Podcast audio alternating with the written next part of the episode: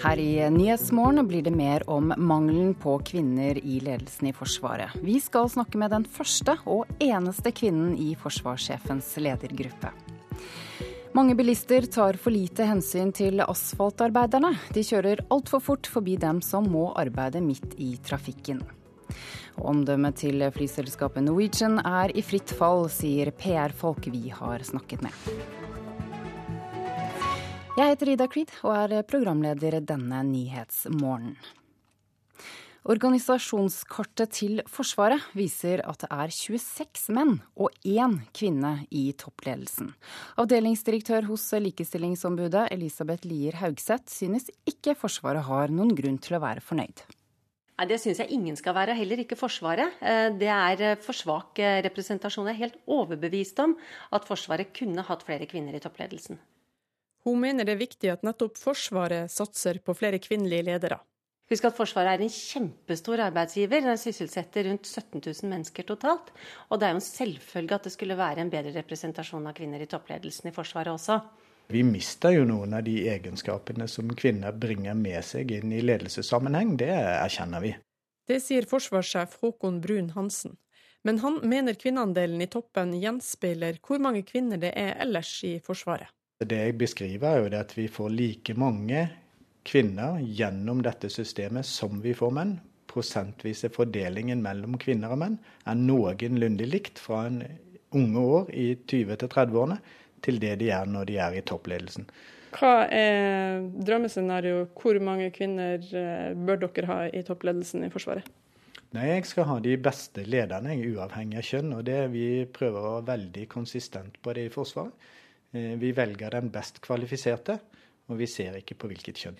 Men da Louise Dedichen som eneste kvinne fikk jobb i forsvarssjefens ledergruppe i 2008, var det en mannlig motkandidat som mente seg forskjellsbehandla. Han gikk til slutt til rettssak, som endte i Høyesterett, der hun fikk medhold. Vi spurte Brun-Hansen om det kan være kulturen i Forsvaret som stikker kjepper i hjulene for kvinner som vil opp. Nei, det vil jeg eh, ikke si. Fordi at de kvinnene som er kvalifisert, de har klart å konkurrere seg til stillinger. Og har klart å få viktige og krevende jobber i Forsvaret. Jeg tror det er, eh, Når det er en svært lav representasjon av det ene kjønnet, så er det nok eh, tyngre å være den ene. Det sier Lier i Likestillingsombudet. Forsvarssjefen sjøl sier han har tre kvinner i sin toppledelse. Han regner da også med ei som for tida jobber i FN, og ei kvinne som formelt er underlagt Forsvarsdepartementet, men jobber tett med forsvarssjefen. Men uansett om man regner én eller tre kvinner i Forsvarets toppledelse, er andelen svært lav. Brun-Hansen mener noe av forklaringa er intern opplæring. Vi skal bygge opp kompetanse. De skal ha en erfaring for å komme i toppledelsen.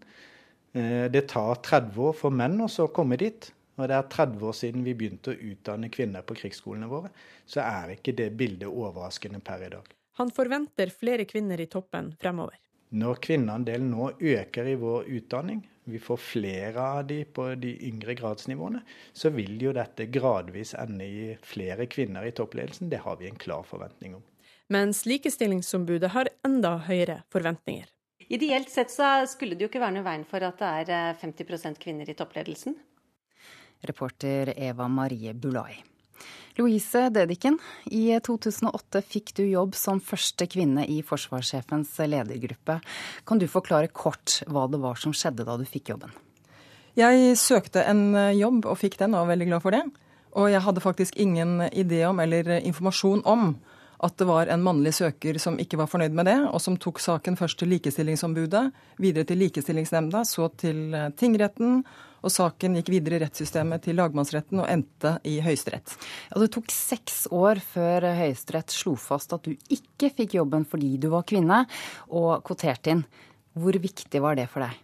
Det var utrolig viktig for meg å få vite fra Høyesterett at jeg fikk jobben, ikke fordi jeg var kvinne, men rett og slett fordi jeg var best kvalifisert. Ja, du vant jo i eh, tingretten. Da valgte Forsvarsdepartementet og staten å anke saken. Du fikk altså ikke støtte fra staten eh, heller. Hvordan var det? Altså det var, eh, det var motparten som anket saken fra tingretten og til eh, lagmannsretten. På det tidspunktet så var ikke jeg en del av saken i det hele tatt, så jeg hadde veldig liten informasjon om hva som skjedde. Forsvaret sier, som du hører i saken, at det er for få kvinner fordi det tar 20-30 år å få den ledererfaringen man trenger i toppen. Hva syns du om den uttalelsen? Nei, Jeg respekterer uttalelsen. På samme måte så tenker jeg at um, jeg tror vi må utfordre akkurat den påstanden. Fordi um, det er få kvinner i ledelsen i Forsvaret i dag. Og hvis vi skal få til en endring, så må vi gjøre noe annerledes. Og vi vet jo at det vi gjør i dag, det fører faktisk ikke frem når det gjelder å få flere kvinner opp og frem. Så vi må gjøre noe annerledes. Det er min eneste kommentar til det. Ja, er det som skjedde med deg et enkelttilfelle, eller er det en del av en kultur? Jeg håper for guds skyld at det var et enkelttilfelle. Men jeg tenker samtidig at det var en veldig viktig sak, og særlig for de eh, jentene som ønsker å komme inn etterpå. Eh, og for samfunnet generelt eh, så var det en viktig sak å få stadfestet at det var den best kvalifiserte som faktisk ble ansatt. Hvorfor er det så viktig å ha kvinner på toppnivå i Forsvaret?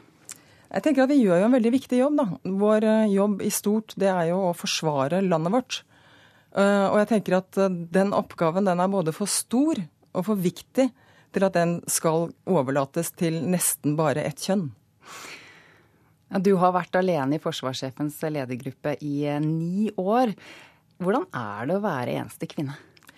Ehm, jeg har ikke vært alene hele tiden, for Kristin Lund var generalinspektør for Heimevernet en periode, og hun var der sammen med meg, og det syns jeg var veldig flott. Ehm, det å være alene i forsvarssjefens ledergruppe Jeg vet jo nesten ikke noe annet, annet enn da Kristin var der. Ehm, men jeg skulle selvfølgelig ønske meg at det var flere. Og jeg tenker at i alle andre sektorer så tar man det som et selvfølge. Hvordan kan det rekrutteres flere kvinnelige ledere på toppnivå, mener du? Jeg mener at uh, organisasjonen må vise vilje uh, til å foreta en endring. Uh, og da må det motiveres, og det må selekteres. og jeg tenker at det må til en viss grad særbehandles. Så særbehandling vil til en viss grad kunne føre til god likestilling. Ja, vil Forsvaret dette nok, da? Det er jo det gode spørsmålet. Og jeg tenker at det er der vi må utfordre for å få til eh, en bedre kjønnsfordeling. Ja, I år eh, går de første vernepliktige kvinnene inn i Forsvaret. Tror du at det også kommer til å gjenspeiles i ledelsen fremover? Det er en så god nyhet at politikerne kom til den konklusjonen at det ikke skulle være noen diskriminering mellom kjønn når det gjelder å uh, ha verneplikt. Så jeg er optimist når det gjelder at jeg, jeg tror det kommer til å komme flere kvinner etter hvert, nå som de yngste kommer inn. Takk for at du kom hit til Nyhetsmorgen, Louise Dedichen, som altså i 2008 fikk jobb som første kvinne i forsvarssjefens ledergruppe. Vi skifter tema og skal høre at mange bilister tar for lite hensyn til asfaltarbeiderne, mener Statens vegvesen. I sommerhalvåret jobber asfaltarbeiderne midt i trafikken for å gjøre veien bedre. Men ikke alle bilister er like hensynsfulle. Øyvind Moen i Veidekke har mange års erfaring med å legge asfalt, og sier det mange ganger har vært nære på. Jeg har hatt en del speiler som har gått i skuldra. Speiler som har truffet i skuldra? Ja. De er så nærme. Og bilene skal fram uansett, for vi er i veien for dem. Det er seint om kvelden. På Kråkerøy i Østfold står fire mann og dirigerer trafikken, mens et arbeidslag fra Veidekke legger asfalt på fv. 108. Øyvind Moen går like ved asfaltutleggeren for å se at asfalten blir som den skal. Han går midt mellom den store maskinen og bilene som kjører forbi. En utsett posisjon. Du må jo følge med, da. Et skritt feil, så er du flat.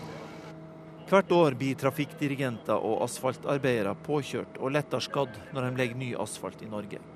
Selv om de alvorlige ulykkene heldigvis er sjeldne, registrerte Vegvesenet over 1000 farlige hendelser under arbeid med asfaltlegging i fjor. Ofte skyldes det uforsiktige bilister, sier teamleder i firmaet Trafikkdirigering, Terje Bjørnstad. Farligste er eh, når folk eh, rett og slett ignorerer stoppsignalet dirigenten i hver ende altså i en av endene. Og de kommer inn i arbeidsområdet som om det skulle aldri vært et arbeidsområde der. Har du opplevd det? Ja, mange ganger. Det, Hva skjer da? Nei, vi prøver jo selvfølgelig å få stopp på den. og Det er to muligheter. Enten stelle seg midt i veien og håpe på at den stopper, ellers eller så er det å hoppe av veien, rett og slett. Her er bare noen få eksempler fra Vegvesenet sin oversikt.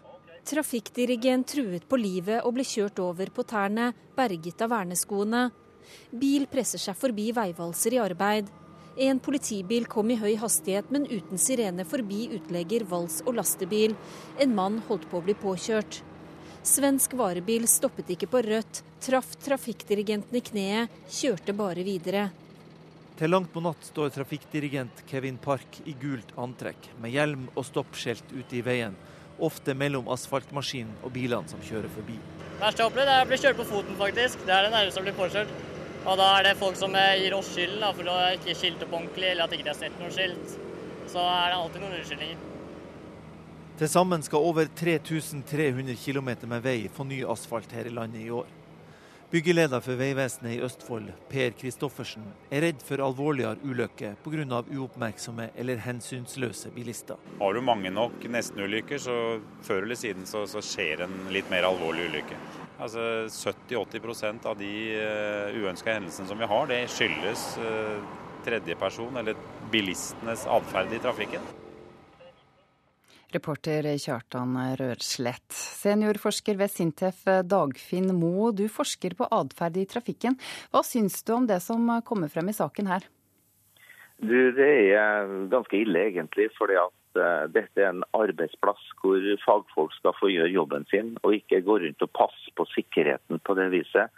Og Det er også snakk om mennesker på en arbeidsplass, rett og slett. Så så det at vi som bilister for å si det slik, da, utsetter dem for risiko på den måten, her, det er jo, det er jo helt uakseptabelt. Hva er det som eh, kan gjøre at det oppstår så mange uønskede hendelser?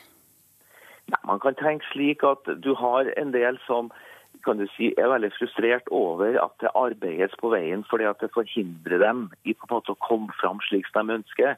Og når det er mye arbeid, så er det noen som har en lav terskel for å bli irritert, rett og slett, og sint. Hm. Og så på det viset så er man ikke interessert i å på en måte da legge til rette for sikkerheten i dette her. Hvor mange av oss er det du eh, kaller eh, hensynsløse sjåfører? Nei, Det er vanskelig, det er vanskelig å, å, egentlig lage noen prosentsats på det. Jeg pleier ofte å lage en litt sånn grovbilde og dele alle inn i en tredjedel. da at en tredjedel sånn sarium er noe mer utålmodig enn andre. Og så har du en tredjedel som er helt utmerket, og så har du da en tredjedel som ligger i en sånn gråsone. Men husk på det, er også mange som ønsker å gjøre det riktig, men de kanskje setter ikke ned farten og posisjonerer seg akkurat. altså Selve utførelsen blir ikke helt riktig. Eh, det også skal man være klar over at, at, mange tenker riktig, men det blir kanskje ikke helt sånn som man ønsker. Hvordan eh, oppfører vi oss eh, overfor de som jobber på veien, sammenlignet med f.eks. fotgjengerne? Nei, du kan si at uh, i prinsippet så er det samme kode det skal være snakk om, egentlig. Uh, fordi at uh, både fotgjengere og syklister for den saks skyld krever et ekstra rom rundt seg av sikkerhet. Og Det samme gjelder de på veien. Så man skal ikke se bort ifra at den samme frustrasjonen og irritasjonen også går igjen hos mye av de samme bilførerne. Så hvilke sjåfører er flinkest, hvis man kan si det? Ja, det er et godt spørsmål. Flinkest eller best osv. Jeg bruker en litt annen innfallsvinkel. Jeg snakker om dyktige og smarte bilister, egentlig. Og den smarte bilisten er mye mer fleksibel og forstår at dette er et, et arena for, for samhandling ikke så veldig egoistisk og duellorientert, men tenker at dette her, eksempelvis arbeid på veien, det er til gode for oss alle. Og da må vi vise den nødvendige fleksibiliteten for å verne om sikkerheten til de som jobber der. Mm. Kommer sikrere kjøring med erfaring? Ja, i utgangspunktet så vil jo erfaring føre til at du får episoder som gir grunnlag for læring. Men det er ikke alle som er like lærevillig, og som er litt for opptatt av sin egen agenda i trafikken. For, fordi at det å lære å forstå samhandling, det er det som er det vi ønsker. Takk for at du var med oss, seniorforsker ved Sintef Dagfinn Mo, som altså forsker på atferd i trafikken. Du hører på Nyhetsmorgen. Dette er hovedsakene våre nå. Det er stor mangel på kvinner i ledelsen i Forsvaret. Av 27 toppledere er det bare én kvinne. Mange bilister tar, som du hørte, for lite hensyn til asfaltarbeiderne. Kjører for fort forbi dem som må arbeide midt i trafikken. Ytre høyrepartiet Alternativ for Tyskland sliter med å holde partiet sammen. Det blir det mer om om litt her i Nyhetsmorgen. Først skal vi snakke om omdømmet til flyselskapet Norwegian. Det er i fritt fall, sier flere PR-eksperter NRK har snakket med. Både flypassasjeravgiften og konflikten mellom flygerne og ledelsen har skapt mye negativ oppmerksomhet rundt lavprisselskapet, og nå frykter eksperter at tilliten hos kundene forsvinner.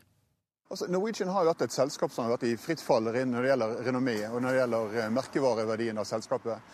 Det sier omdømmeekspert og professor med Norges handelshøyskole, Tor Andreassen. Etter Norwegian-ledelsen og pilotene har forhandla i over åtte timer om en overtidsavtale som skulle løse bemanningsproblemet. Og Dette er noe som folk legger merke til. De begynner å tenke seg om når de skal begynne å bestille billetter til for fremtiden. Tør vi satse på Norwegian i fremtiden? Mange sier tja. Sinte passasjerer, kanselleringer, krisemøter og spekulasjoner om ulovlige streikeaksjoner og fryktkultur blant pilotene. Det har storma rundt lavprisselskapet den siste uka, og flere eksperter frykter for omdømmet til Norwegian.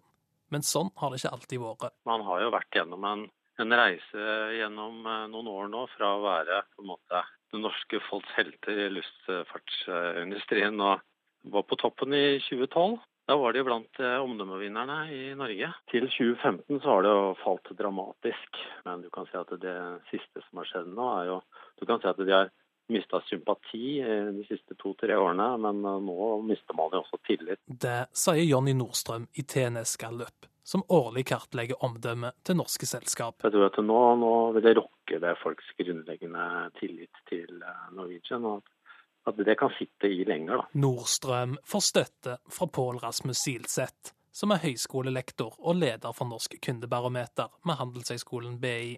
Han tror at Norwegian har fått ei langvarig ripe i lakken. Den saken som har vært nå, eh, er egentlig ganske ille. For den føyer seg inn i rekka av streiken som var i fjor. Eh, så er det her ganske ille, for det berører eh, kundene så, så ganske sterkt. Det vi pleier å si når det har vært sånne typer skandaler som det her, er at hvis du, hvis du, gjør alt riktig fremover, så legger det seg ganske fort. Men eh, så jeg er redd for at det her bare er noe som eh, kommer til å fortsette, og vi står i fare for å miste et potensielt nytt antall kunder. En som har holdt seg taus den siste uka, er Norwegian-sjef Bjørn Kjos, som kun har uttalt seg i en pressemelding. I dag møter han pressa. Han bør egentlig si at de skal gjøre alt de kan for å fjerne fremtidige konflikter med piloten. Så han bør egentlig komme ut og legge en plan eh, som forteller oss som kunder at vi ikke skal oppleve sånne konflikter som det her fremover, som da berører kundene direkte på en sånn måte som det gjorde. Bjørn Kjos skal kommentere flykaoset klokken ni. Reporter var Ola Solheim. Ytre høyrepartiet Alternativ for Tyskland sliter nå med å holde partiet sammen. Særlig de siste dagene har det vært veldig mye uro. Korrespondent i Berlin, Guri Nordstrøm, hva har skjedd? Det hele startet med at en av partiets representanter i delstatsforsamlingen Baden-Wurtenberg skrev en tekst der det kom tydelig frem at han har antisemittiske holdninger. Blant annet så kritiserte han at landets største minnesmerke, som ligger her i Berlin, er viet ofrene etter holocaust og ikke til nasjonale tyske helter. Eh, det ble for sterk kost for partiets delstatsleder. Han forsøkte først å få han som skrev dette til å forlate partiet, men det nektet han. Eh, delstatslederen fikk heller ikke med seg to tredjedels flertall for å kaste ut partimedlemmet. Så til slutt har nå 13 av 23 representanter med delstatslederen i spissen gått ut av partiet, dannet et nytt parti som de kaller Alternativ for Baden-Wurtenberg. Og de sier at de nekter å være i samme parti som en eh, antisemitt. Hvor alvorlig er denne uroen eh, for partiet? Han som skrev dette, har eh, nå til slutt trukket seg fra partiet etter å ha lukket samtaler med partileder Frauke Petri. Men delstatslederen og fraksjonen som trakk seg ut, er likevel eh, forbanna. Eh, de hevder at det nå er de som representerer det virkelige partiet i delstaten, mens den andre halvdelen mener at det er de som gjør det. Og Kommentatorene her spekulerer nå i om man ser en begynnende lederstrid mellom partileder Petri og da delstatslederen her. Eh, I tillegg så har nå også nestlederen i partiet kastet seg på. Han mener at Petri bare har eskalert krisen ved å blande seg inn i dette. Så det er alvorlig, men på den annen side så har det vært mye uro i dette partiet også tidligere. Særlig så var det en lederstrid i fjor på denne tida, da Petri overtok partiledervervet. Eh, og mange av de som dannet dette protestpartiet for tre år siden, trakk seg da også ut. Så det spørs også hvor mye velgerne egentlig bryr seg om interne strid i partiet. Eh, F.eks. til tross for lederstriden i fjor, så har bare partiet vokst siden da. Ja, hvor stor oppslutning har partiet nå, da? På de siste meningsmålingene som kom denne uka, så ligger de mellom 9 og 15% på landsbasis. Eh, og så sitter de nå med representanter i halvparten av landets delstatsforsamlinger. I tillegg til at de har representanter i Europaparlamentet. Eh, og under forbundsvalget her i, forbundsdagsvalget her i Tyskland neste år, så er det ventet at de kan få inn representant i forbundsdagen for uh, første gang. Så er det jo fotball-EM nå. I kveld spiller Tyskland semifinale mot Frankrike. Men også i forbindelse med EM har det vært bråk etter uttalelser fra dette partiet. Ja, det stemmer. Rett før EM så sa nestlederen i partiet at Boateng er en god fotballspiller, men ikke én man ville hatt som nabo. Og Det skapte også voldsomme reaksjoner her. Boateng er da en av stjernene på det tyske landslaget. Eh, han har far fra Ghana og mor fra Tyskland og har vokst opp her i Berlin. Eh, og etter denne uttalelsen fra nestlederen i Alternativ for Tyskland, så har det vært mange supportere med plakater med at de gjerne vil ha Boateng som nabo. Takk for at du var med, korrespondent Guri Nordstrøm i Berlin. Så skal vi ta en titt på hva avisene skriver i dag. Fem år etter 22.07-angrepet mangler politiet 236 spesialtrente tjenestemenn, skriver VG. Etter angrepet ble det lovet 400 nye spesialtrente antiterrorpolitifolk, men dette løftet er altså ikke innfridd. Langt flere går ut av grunnskolen uten karakterer, skriver Aftenposten. Fra 2009 til 2015 ble det dobbelt så mange elever som manglet karakterer i over halvparten av fagene. Ingen vet helt hvorfor det er slik, skriver avisen. Arbeiderpartiet må bli mer rampete, sier Hadia Tajik til Dagbladet. Ap-nestlederen sier at hun ønsker at partiet skal bruke handlingsrommet i opposisjon bedre enn det har klart til nå. Det handler om åndelig manipulasjon og maktovergrep i pinsekarismatiske miljøer i vårt land i dag. Kristne ledere bør se seg selv i speilet, står det på forsiden. Når noen kaller seg selv åndelig leder, bør man ta noen steg tilbake og stille noen spørsmål, sier den svenske kristenlederen Peter Halldorf. Dagsavisen tar for seg den knusende kritikken av Tony Blair og, og, beslutningen hans om å gå til krig mot Irak i 2003.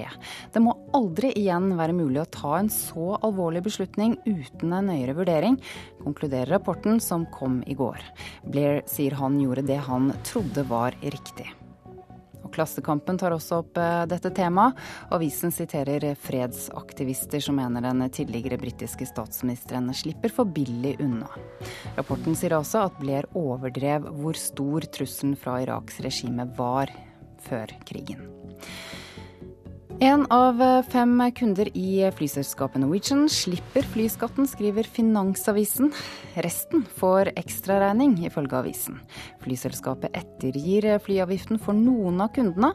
Alle som har kjøpt billett på flyselskapets nettsider, må betale. Og så må vi selvfølgelig snakke om fotball. Det ble Cristiano Ronaldo-show da Portugal slo Wales 2-0 i semifinalen i fotball-EM i går kveld. Stjernespilleren som har slitt med å spille på sitt beste i mesterskap, fikk endelig vist hva han er god for da han skåret det første målet. Hjørnesparket kommer innover i feltet!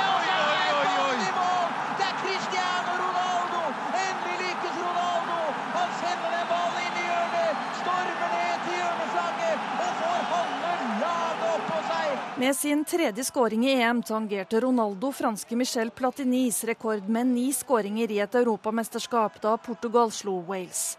Alle snakket om duellen mot Real Madrid-kollega Gareth Bale på forhånd, men waliserne klarte aldri å slå tilbake etter to portugisiske skåringer. Det har lenge vært en drøm for Ronaldo å spille finale i et mesterskap. Bom, Vi lever ut den portugisiske drømmen akkurat nå. Dette har mange millioner portugisere drømt om lenge. Vi hadde troen på at vi skulle klare å vinne. Det har vært en tøff turnering for oss, men som jeg har sagt, det er bedre å starte dårlig og avslutte med et brak. Det ble stjernes aften da Nani etter innlegg fra nettopp Ronaldo skåret Portugals andre mål.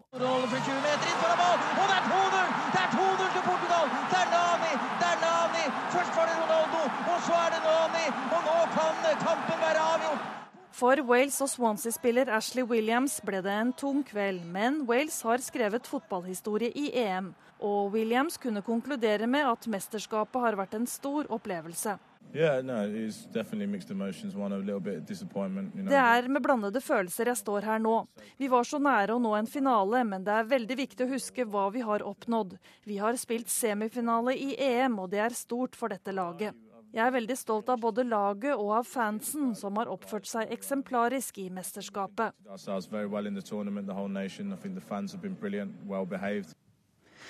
Ja, Portugal møter enten Frankrike eller Tyskland i finalen søndag. Semifinalen mellom Frankrike og Tyskland kan du høre på P1 eller DAB-kanalen NRK Sport i kveld fra klokken 20.54.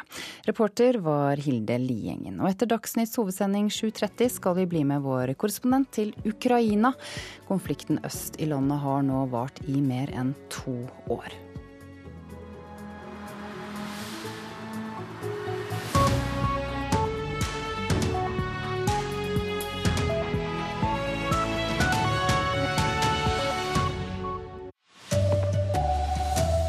Det er fremdeles menn som styrer Forsvaret. Bare én av 27 toppledere er kvinner.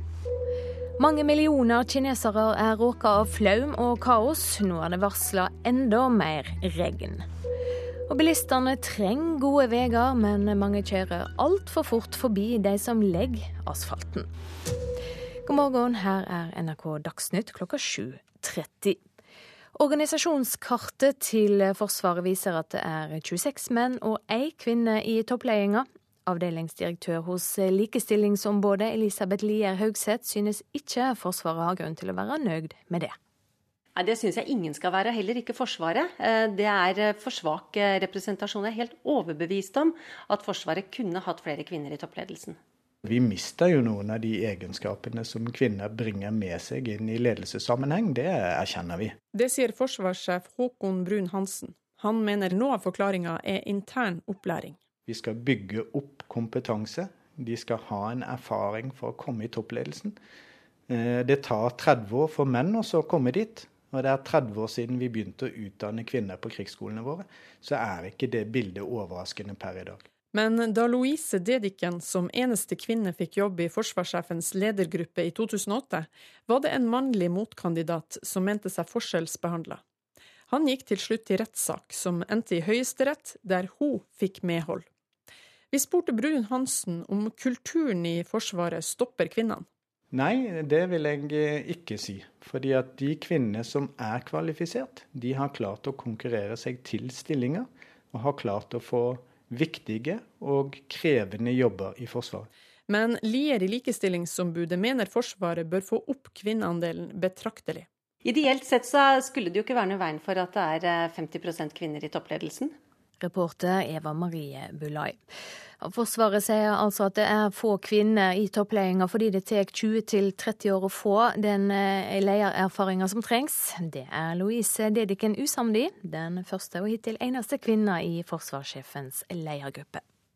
Jeg tror vi må utfordre akkurat den påstanden. Fordi eh, det er få kvinner i ledelsen i Forsvaret i dag. Og hvis vi skal få til en endring, så må vi gjøre noe annerledes. Og vi vet jo at det vi gjør i dag, det fører faktisk ikke frem når det gjelder å få flere kvinner opp og frem. Jeg mener at uh, organisasjonen må vise vilje uh, til å foreta en endring. Uh, og da må det motiveres, og det må selekteres. og jeg tenker at det må til en viss grad særbehandles. Så særbehandling vil til en viss grad kunne føre til god likestilling. Det er fare for mer regn i flområka Kina. Meteorologene har sendt ut obs-varsel i byen Wuhan, som alt står delvis under vann. Regn og uvær har tatt livet av flere enn 180 mennesker og har ført til kaos over store deler av Kina, ifølge BBC. De kinesiske TV-bildene viser vrakgods som blir skylt nedover en flomstor elv. I andre bilder er det ikke mulig å se hvor elven slutter og landskapet begynner. Alt er dekket av vann, bare toppen av noen bygninger og noen spredde trær stikker opp fra de gråbrune vannmassene. Det er flomsesong nå, men i år har nedbøren vært spesielt kraftig. 32 millioner mennesker i 26 provinser er rammet i løpet av den siste uken. 1,4 millioner mennesker er evakuert. 56 000 bygninger har kollapset. Mer enn 16 000 kvadratkilometer med jordbruksmark er satt under vann. Oh. Spesielt kraftig rammet er storbyen Wuhan, som ligger ved Yangtze-elven. Der har det falt 56 cm med regn den siste uken, den kraftigste nedbøren i byens moderne historie. Og varselet for de kommende dagene mer regn. Hvorfor kommer det så mye regn denne sesongen? Det er alltid naturlige variasjoner. Den kinesiske visestatsministeren sier det er pga. værfenomenet El Nino, som nå er over, men effektene av den er fortsatt til stede. Til stede er også usedvanlige varme områder i Det indiske hav. Det påvirker også været i Kina. Reporter Halvard Sandberg. Mange bilister tar for lite omsyn til de som legger asfalt, mener Statens vegvesen. I sommerhalvåret jobber asfaltarbeiderne midt i trafikken for å gjøre veiene bedre, men eh, ikke alle bilister tar omsyn. Øyvind Moen i Veidekke har mange års røynsle med å legge asfalt. Han sier det har vært nære på mange ganger. Jeg har hatt en del speiler som har gått i skuldra. Speiler som har truffet i skuldra? Ja, de er så nærme. Og bilene skal fram uansett, for vi er i veien for dem. Det er seint om kvelden. På Kråkerøy i Østfold står fire mann og dirigerer trafikken, mens et arbeidslag fra veidekket legger asfalt på fv. 108. Øyvind Moen går like ved asfaltutleggeren for å se at asfalten blir som den skal. Han går midt mellom den store maskinen og bilene som kjører forbi. En utsett posisjon. Du må jo følge med, da.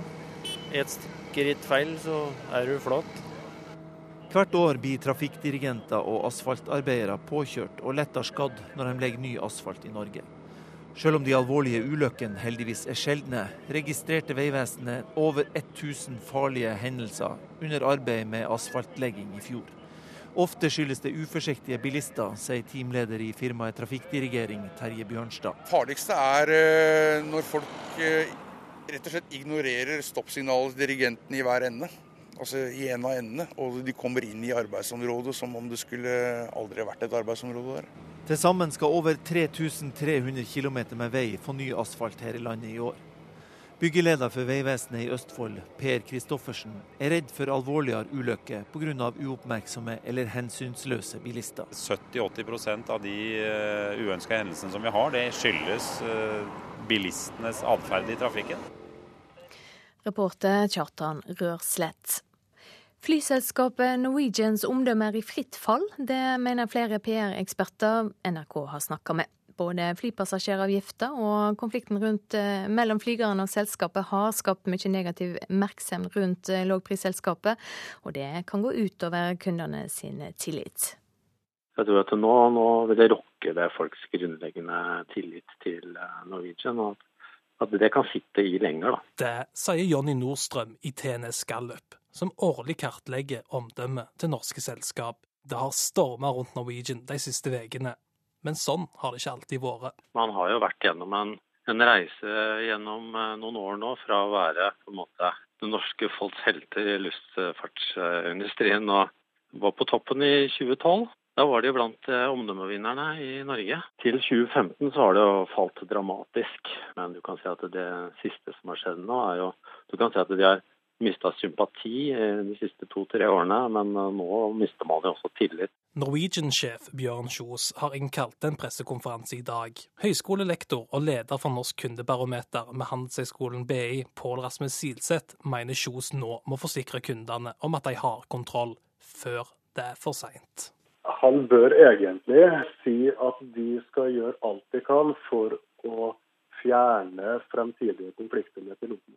Så han bør egentlig komme ut og legge en plan eh, som forteller oss som kunder at vi ikke skal oppleve sånne konflikter som det her fremover, som da berører kundene direkte på en sånn måte som det gjør. Og toppsjef i Norwegian Bjørn Kjos kommenterer flykaos klokka ni. Reporter Ola Solheim. Så fotball. Det ble Cristiano Ronaldo-show da Portugal slo Wales 2-0 i semifinalen i fotball-EM i går kveld. Stjernespilleren som har slitt med å spille på sitt beste i mesterskap, fikk endelig synt hva han er god for da han skåra det første målet og la opp til det andre. Hjørnesparket kommer innover i feltet, og det er i mål! Det er Cristiano Ronaldo! Endelig lykkes Ronaldo! Han sender den ballen inn i hjørnet! Med sin tredje skåring i EM tangerte Ronaldo franske Michel Platinis rekord med ni skåringer i et europamesterskap da Portugal slo Wales. Alle snakket om duellen mot Real Madrid-kollega Gareth Bale på forhånd, men waliserne klarte aldri å slå tilbake etter to portugisiske skåringer. Det har lenge vært en drøm for Ronaldo å spille finale i et mesterskap. Vi lever ut den portugisiske drømmen akkurat nå. Dette har mange millioner portugisere drømt om lenge. Vi hadde troen på at vi skulle klare å vinne. Det har vært en tøff turnering for oss, men som jeg har sagt, det er bedre å starte dårlig og avslutte med et brak. For Wales og Swansea-spiller Ashley Williams ble det en tung kveld, men Wales har skrevet fotballhistorie i EM. Yeah, no. Reporter her Hilde Liengen. Og hvem Portugal møter i finalen blir klart i kveld. Semifinalen mellom Frankrike og Tyskland starter klokka 21, og den kan du høre på P1 eller DAB-kanalen NRK Sport. Ansvarlig for NRK Dagsnytt, Anders Borgen Werring. I studio, Silje Sande.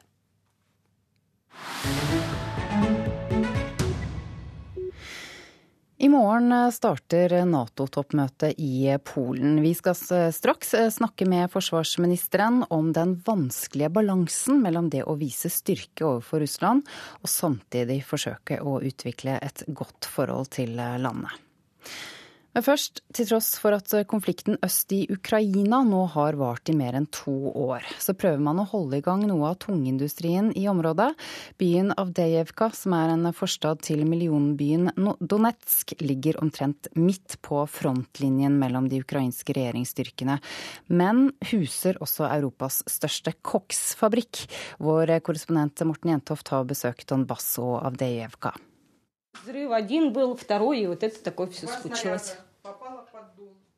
Huset var i utgangspunktet ikke så mye å snakke høyt om. Men Ludmila Bolbinjuk hadde kjøpt det og var i gang med å pusse det opp for sin datter, som nettopp hadde fått en baby, og som skulle flytte inn her sammen med sin mann. Такой взрыв произошел, и видите, все рассыпалось. У нас уже средств нету на все это. Men natten før jeg treffer den rundt 50 år gamle kvinnen, landet to granater på huset hennes. Nå er halve taket borte, det er glass overalt, og et par av hennes venner prøver å tette et stort hull i den ene veggen. Dette er virkeligheten sommeren 2016 i Avdejevka, en ukrainsk by i Donbas øst i Europa. Det er skummelt. Alt over hodet flyr. Jeg vet ikke hvor jeg skal gjemme meg. Det er forferdelig det som skjer. Hele tiden flyr det granater og kuler over hodene våre. Vi vet ikke hvor vi skal gjøre av oss. Skal vi gå ned i kjelleren, gjemme oss under trærne eller legge oss på bakken? Du ser hvordan vi har det her.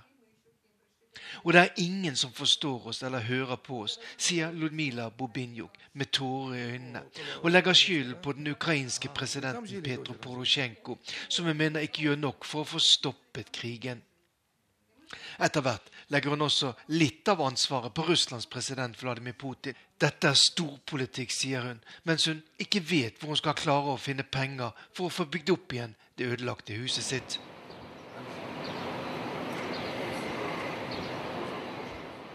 I utkanten av Avdejevka ligger det enorme anlegget til Adejevskij Koksokjemitsjkij Zavod, Europas største koksfabrikk. Fremdeles så jobber det mer enn 3700 mennesker her. Det er et under at produksjonen har kunnet fortsette mens krigen har rast i området rundt. Было, когда не было угля, не было электроэнергии, вокруг Direktøren for koksfabrikken Musa Magomedov tar imot NRK på sitt store kontor og forteller at det i perioder var på nære nippet at produksjonen måtte stoppe. Men i dag produserer de omtrent halvparten av det som er kapasiteten, og det er han fornøyd med, situasjonen tatt i betraktning.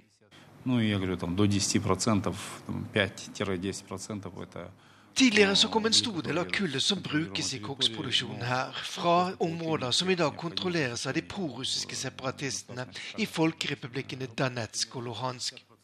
Fremdeles så får fabrikken noe kull derfra, men det utgjør bare mellom 5 og 10% av det som brukes i produksjonen, forteller direktør Mosa Magomedov.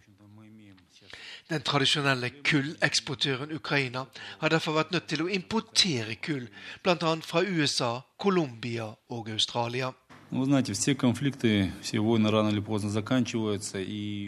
Jeg spør Mosa Magomedov om hva slags perspektiver han ser framover for en mulig løsning på konflikten øst i Ukraina.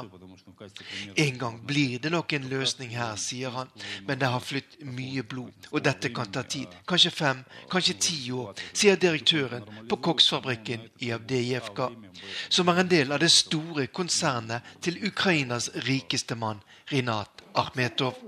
Мира хотят все. Но никто нас не поддерживает, никто особенно наш край. I et annet hus litt i utkanten av Avdejevka ble jeg invitert inn på te og kaker hos familien Kreptova. Valentina på 74 er et produkt av sovjettiden, og hun mener at alt var mye bedre før. Hun støttet også Donbas-områdets egen sønn Viktor Janukovitsj i tykt og tynt, og var en av dem som sørget for at han i 2010 ble valgt til president i Ukraina. Hun mener også at Maidan-opprøret i Kiev i 2014 var feil, og at det var feil å tvinge Janukovitsj fra makten, slik at han nå befinner seg i eksil i Russland. Stryker,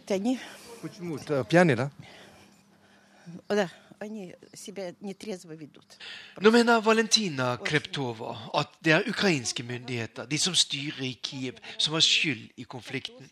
Hun sier at kulehullet i et av vinduene hennes er et resultat av at de ukrainske soldatene som kontrollerer Avdejevka, skyter rundt seg i fylla Og som så mange ellers her i Avdijevka ser hun først og fremst på TV fra Folkerepublikken Danetsk, og er gjennomgående skeptisk til alt som kommer fra den vestvennlige regjeringen i Kiev. Почему взять, взять мирно, сесть, сели за столом круглым. Men nå må vi ta tak i dem som kriger, og sette dem på plass, sette dem rundt et bord for å snakke sammen for å få til fred, sier Valentina Kreptova. Og de må snakke sammen helt til de blir enige. Vi er tross alt alle ukrainere. Vi som bor her, vi drar ingen steder. Vi elsker vårt Ukraina. Og vi vil ha det slik som det var tidligere, sier den 74 år gamle kvinnen, som senest natten før vi besøkte henne, ble vekket av skyting fra tunge våpen. Dette er hovedsakene i Nyhetsmorgen nå. Det er fortsatt menn som styrer Forsvaret. Bare én av 27 toppledere er kvinne. Mange millioner kinesere er rammet av flom og kaos. Nå er det varslet enda mer regn. Og bilistene her hjemme trenger gode veier, men mange kjører altfor fort forbi de som legger asfalten. Og Det skal straks handle om kvinnelig ledelse i Forsvaret, eller mangelen på det. Men først, i morgen starter Nato-toppmøtet i Polen. God morgen til deg, forsvarsminister Ine Eriksen Søreide. God morgen. Natos generalsekretær Jens Stoltenberg har sagt at dette blir et av de viktigste toppmøtene i alliansens historie. Hvorfor sier han det? Det sier han fordi eh, vi står i en situasjon der Nato opplever et mye mer uforutsigbart og komplisert trusselbilde rundt hele alliansen. Og det må vi møte med en langsiktig tilpasning som bygger på kollektivt forsvar, evnen til å forsvare landene, og ikke minst evnen til å hindre at konflikt oppstår, som jo egentlig er hovedrasjonalet til Nato. Jeg tror noe av det aller viktigste på toppmøtet nå blir å demonstrere tydelig alliert samhold Det har vi klart i eh, lange perioder nå, og det blir ikke noe mindre viktig framover. Og særlig fordi at uh, verden er urolig. Og da er det å vise samhold, vise at vi er en politisk allianse med et verdifellesskap, noe av det aller viktigste. Ja, I Warszawa skal Nato finne ut hvordan soldater skal utplasseres i Øst-Europa. Hvorfor gjør man dette?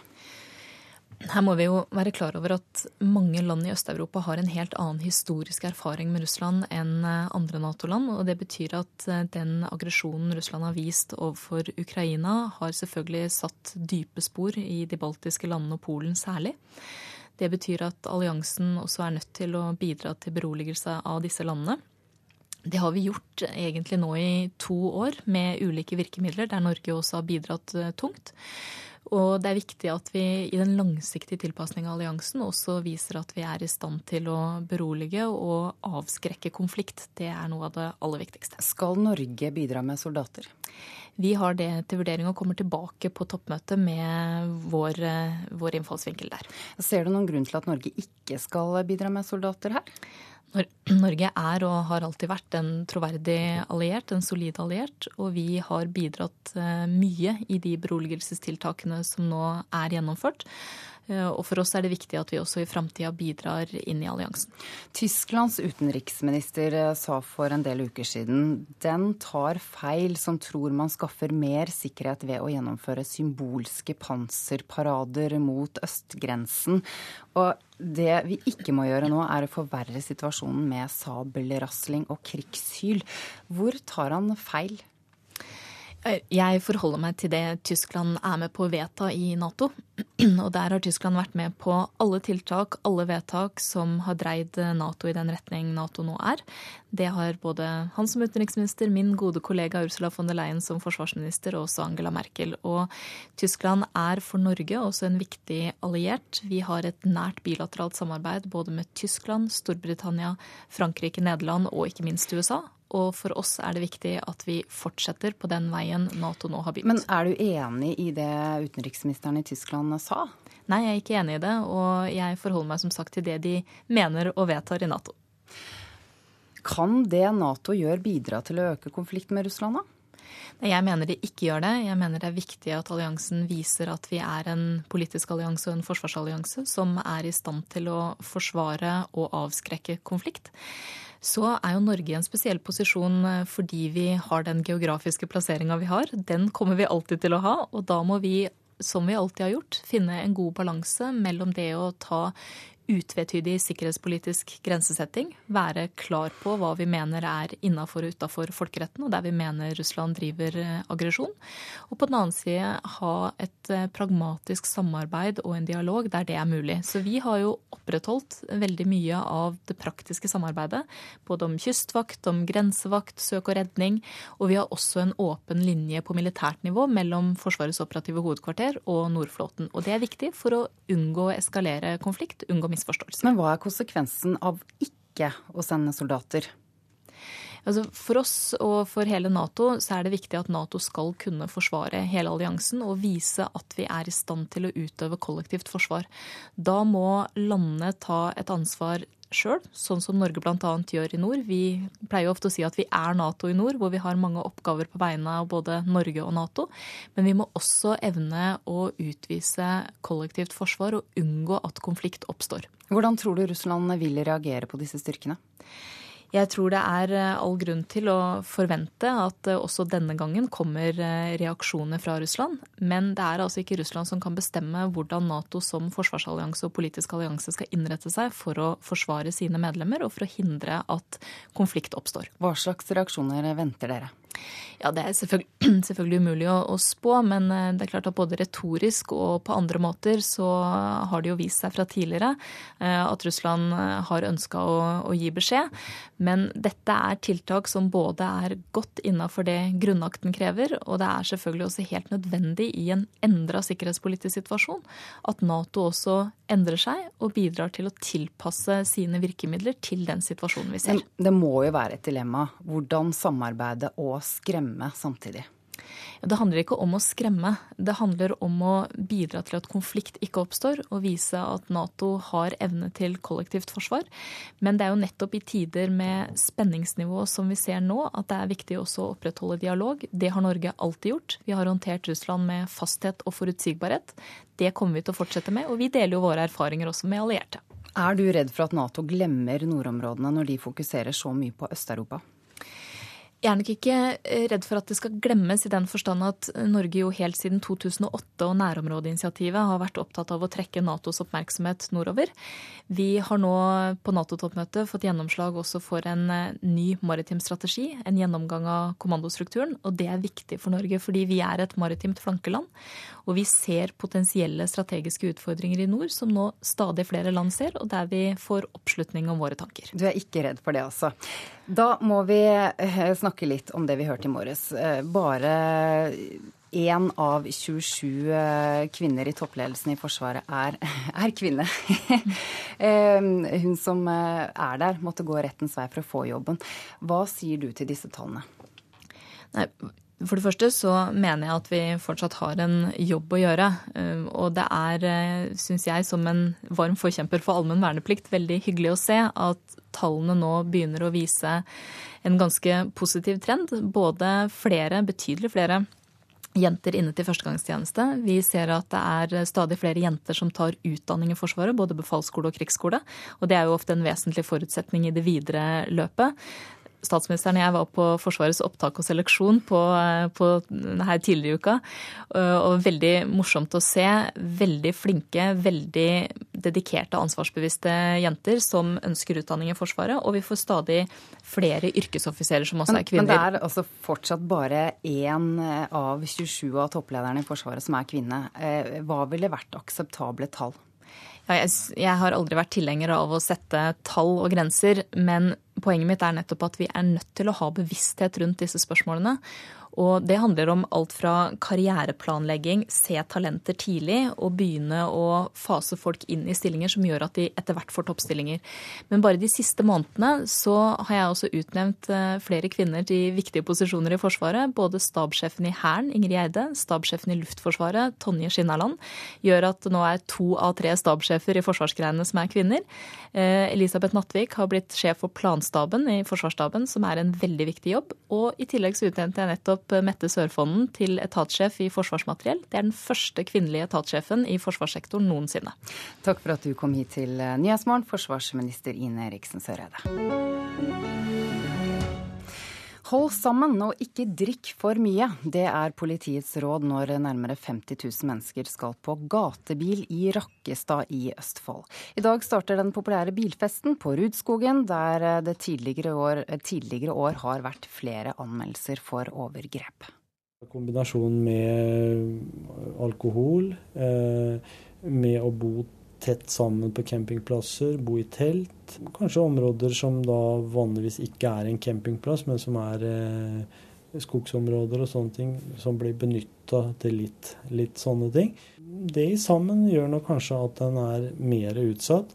Og at eh, selvfølgelig at hemninger og sånt nå blir borte både med alkohol og med eh, hele settingen eh, rundt en, en sånn festival.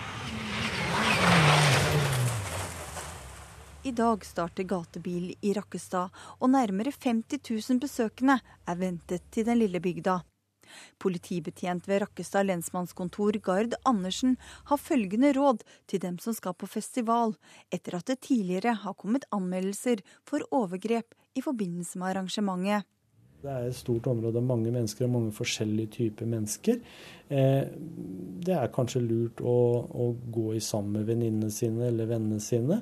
Man bør også passe på alkoholinntaket, sier han. Det er jo lov å drikke der inne, men en må tenke på hvor mye en drikker og hvor mye en tåler og, og, og sånne ting. Så hvis en drikker for mye, så for det første kan en bli syke og sånne ting, men, men andre også miste litt kontrollen over seg sjøl og eiendelene sine. Og det kan være få uheldige følger. Gatebil er et arrangement for hele familien, men overnatting og kveldsfesten bør forbeholdes de over 18 år, mener han. Jeg vil jo si at, at, at det kanskje ikke er like egnet for veldig unge mennesker å, å, være der, fordi at det er et festområde. Og det er jo et sånt foreldreansvar òg, sånn at det er kanskje ikke bra å ta med barna sine på, på det arrangementet. Det, det er mest tegna for dem som er fra 18 år og oppover. Reporter Anette Torjussen. Så et værvarsel for det neste døgnet. Sørlandet og Vestlandet sør for Stad får tilskyende vær. Litt regn kommer inn sørvest omkring midt på dagen og brer seg nordover på Vestlandet utover ettermiddagen. Oppholdsvær øst på Sørlandet. I ettermiddag opp til sørvestlig liten kuling på kysten øst for Kristiansand og til svenskegrensen. Telemark og Østlandet får stort sett oppholdsvær og perioder med sol. I Møre og Romsdal, Trøndelag for det meste skyet eller delvis skyet oppholdsvær, men enkelte regnbyger nord for Trondheimsfjorden frem til ettermiddagen. I Nordland litt regn i Ofoten, mens det lenger sørover bare blir noen spredte regnbyger og mulighet for solglatt. Troms får perioder med regn, mens Finnmark får skyet eller delvis skyet og spredte regnbyger. Mest skyer ser det ut til å bli i kyst- og fjordstrøkene i vest. På Spitsbergen østlig kuling på sørspissen og stort sett skyet oppholdsvær. Og så temperaturen er målt klokken sju i dag morges. Da hadde Svalbard lufthavn 9 grader, Kirkenes 14, Vardø 13, Alta 12, Tromsø-Langnes 10 grader, Bodø og Brønnøysund hadde 11 grader, Trondheim 10 grader, Molde 12 grader. Stavanger, Kristiansand, Kjevik og Gardermoen hadde alle 11 grader, Røros 10 grader. Eh, Lillehammer 10 grader, Røros 6 grader og Oslo-Blindern 14 grader.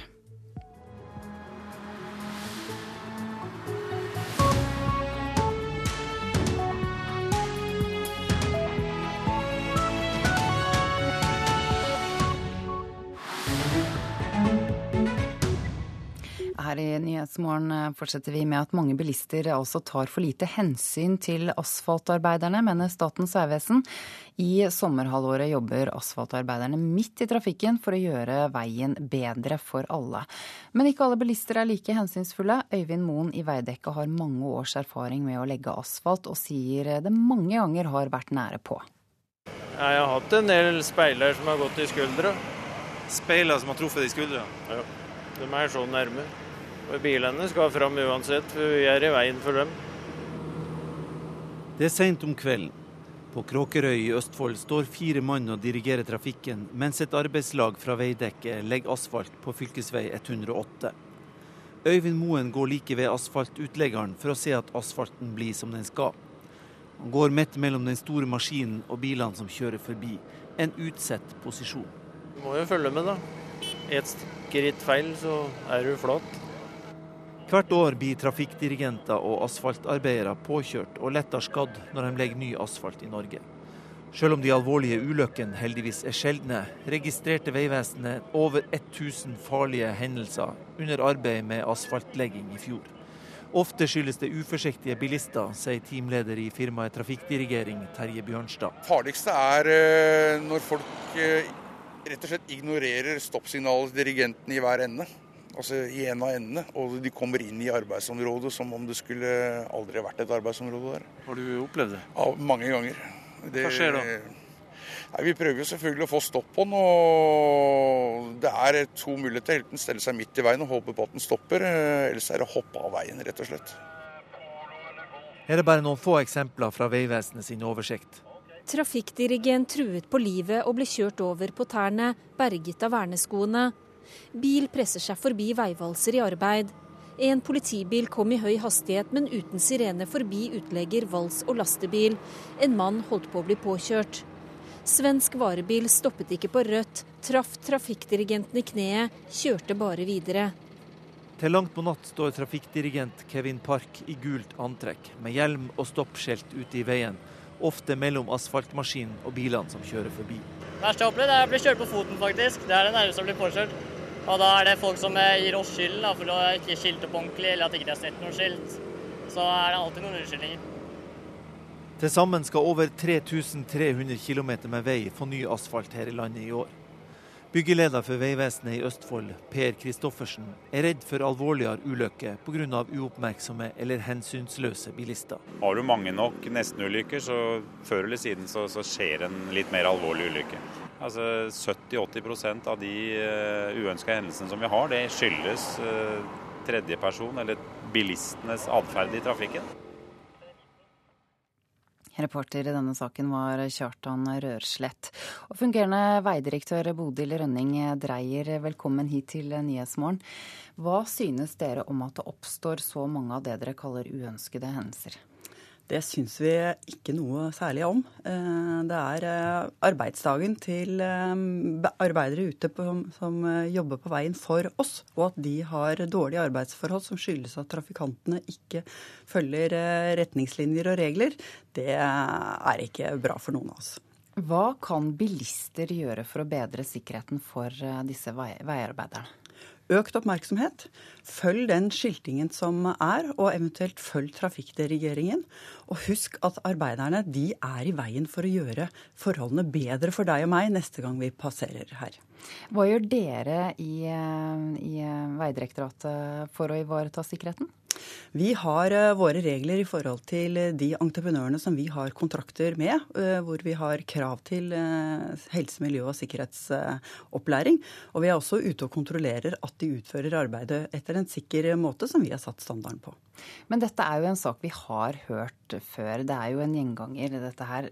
Er sikrings- og varslingstiltakene deres i Veidirektoratet gode nok da, når de ikke blir bedre?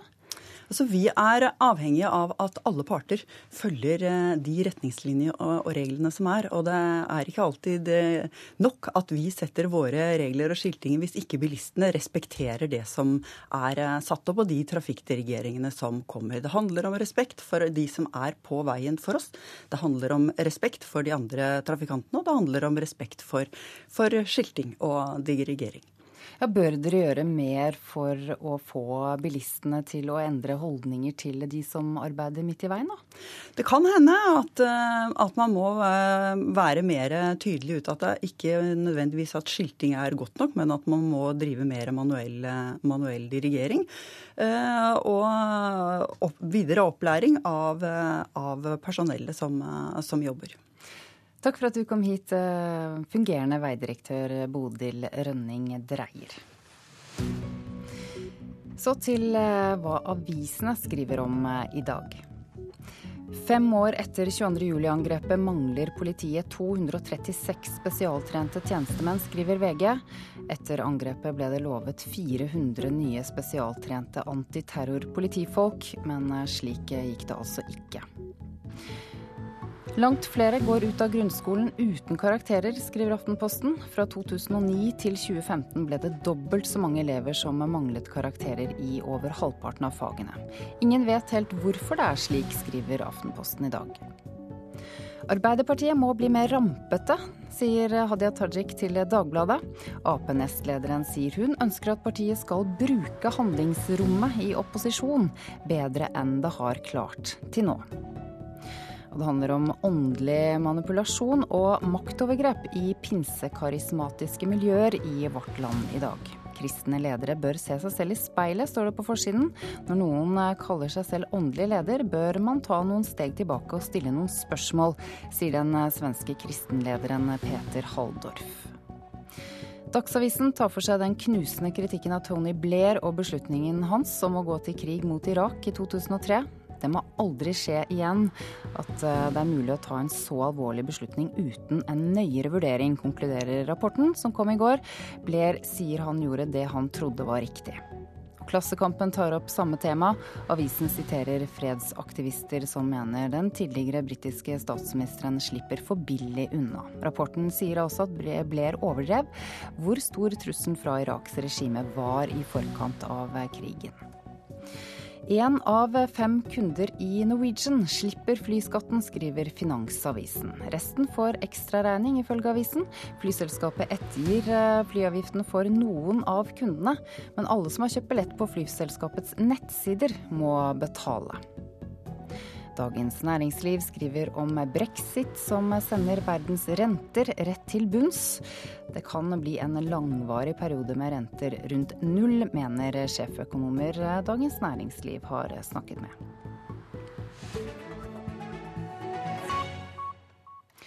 I Sør-Kina har over 180 mennesker mistet livet i kraftig flom eh, den siste uken. 1,4 millioner mennesker er evakuert, og den historiske byen Wuhan står delvis under vann. Hva slags hjelp får de som er rammet, Asia-korrespondent Peter Svaar?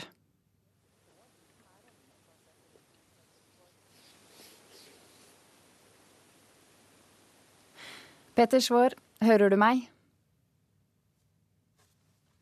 Deg godt. Der er du, ja. Og særlig til den historiske byen. Ja, jeg sa at Det er jo en betydelig redningsinnsats på vei. Kinas president Xi Jinping beordret i går flere soldater til dette området, og særlig til da Wuhan med sine ti millioner innbyggere som ligger ved bredden av Yangtze-elven, som er veldig hardt rammet. Fotballstadionet i byen ser jo fra luften nå nærmest ut som et badekar. Det er eh, store deler av sentrum som står under vann, og både strøm og vannforsyning er eh, hardt rammet. Mange innbyggere kommer seg ikke ut av huset sitt. Uh, og i Anhui, i naboprovinsen, har ti krokodiller greid å flykte fra en innhegning. Så der er det jo ikke lenger bare vannet folk er redde for, men også uh, hva som svømmer i det. Ja, Værproblemene i området er på ingen måte over. En uh, supertyfon er nå på vei innover Taiwan. Hvordan forbereder man seg der? På Taiwan skalkes jo lukene nå. Både skoler og kontorer eh, stenges ned i dag. 35 000 soldater er i beredskap. Det er eh, supertyfonen Nepartak, som eh, nå er en kategori 5-tyfon med vindkast opp i 260 km i timen, og som kan gjøre svært store ødeleggelser når, når den er ventet å komme inn over land i løpet av natten og tidlig morgendag. Enkelte områder på Taiwan kan jo få 500 mm nedbør på kort tid. Det er tusenvis av turister turister som er evakuert fra flere mindre øyer utenfor Taiwans kyst. Og frykten på Taiwan er jo også at slike tyfoner med disse store nedbørsmengdene kan skape jordskred mange steder. Tyfonen eh, kan altså treffe de flomrammede områdene av Sør-Kina i morgen. Hvor alvorlig er det? Det gjør jo at eh, meteorologene her nå frykter at de flomrammede områdene i Sør-Kina faktisk har det verste foran seg. Eh, fordi tyfonen er ventet å komme inn over det kinesiske fastlandet i morgen. Fortsette nordover. Allerede fra i kveld kanselleres flyvninger mellom Hongkong og Taiwan i påvente av at tyfonen treffer. Og nå vil jo ofte disse værsystemene svekke seg en del når de kommer inn over land, men eh, sør i Kina er jo på vei inn i den våteste delen av året nå. Det kan komme mye mer regn i dagene og ukene fremover, selv om det fortsatt er et langt stykke igjen til rekordflommen sommeren 1998. Takk til deg, Asia-korrespondent Peter Svaar. I dag er det to år siden Gaza-krigen startet. Blokaden av Gaza hindrer gjenoppbygging og øker faren for ekstremisme, mener Kirkens Nødhjelp. Velkommen i studio, seniorrådgiver i Kirkens Nødhjelp, Kirsti Næss. Du jobbet i Palestina på Vestbredden da angrepene startet for altså to år siden. Hvordan var det å bo i området under krigen? Angrepet på Gaza var jo ventet. Det hadde vært en opptrapping av volden på begge sider før, i ukene før. Jeg husker at eh, rakettalarmen gikk i Jerusalem klokka ti på kvelden, og da visste vi at Israel kom til å angrepe Gaza. I Øst-Jerusalem, hvor jeg bodde, så led jo befolkningen med sine landsmenn og slektninger i Gaza, som bare ligger en halvannen time unna. Et sykehus som Kirkens Nødhjelp støtter i Gaza, ble gjort om til akuttmottak, og jeg var i daglig kontakt med doktor Sohaile, som leder det sykehuset, om hva de trengte mest, som stort sett var medisiner og drivstoff til strømaggregat, og ellers hvordan det gikk. Sykehuset ble jo delvis skadet, og Naveen, en av sykepleierne som jeg hadde truffet før, ble drept.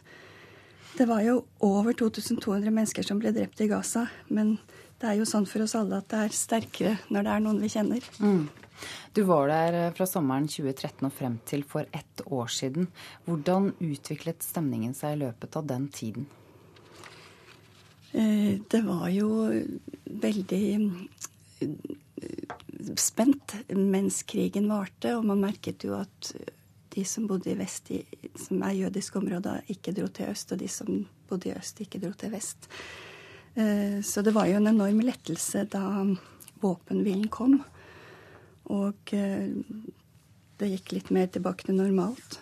Verdenssamfunnet lovet jo penger til gjenoppbygging og arbeidet for en varig og bærekraftig utvikling for palestinerne i Gaza, men det har de ikke fått til.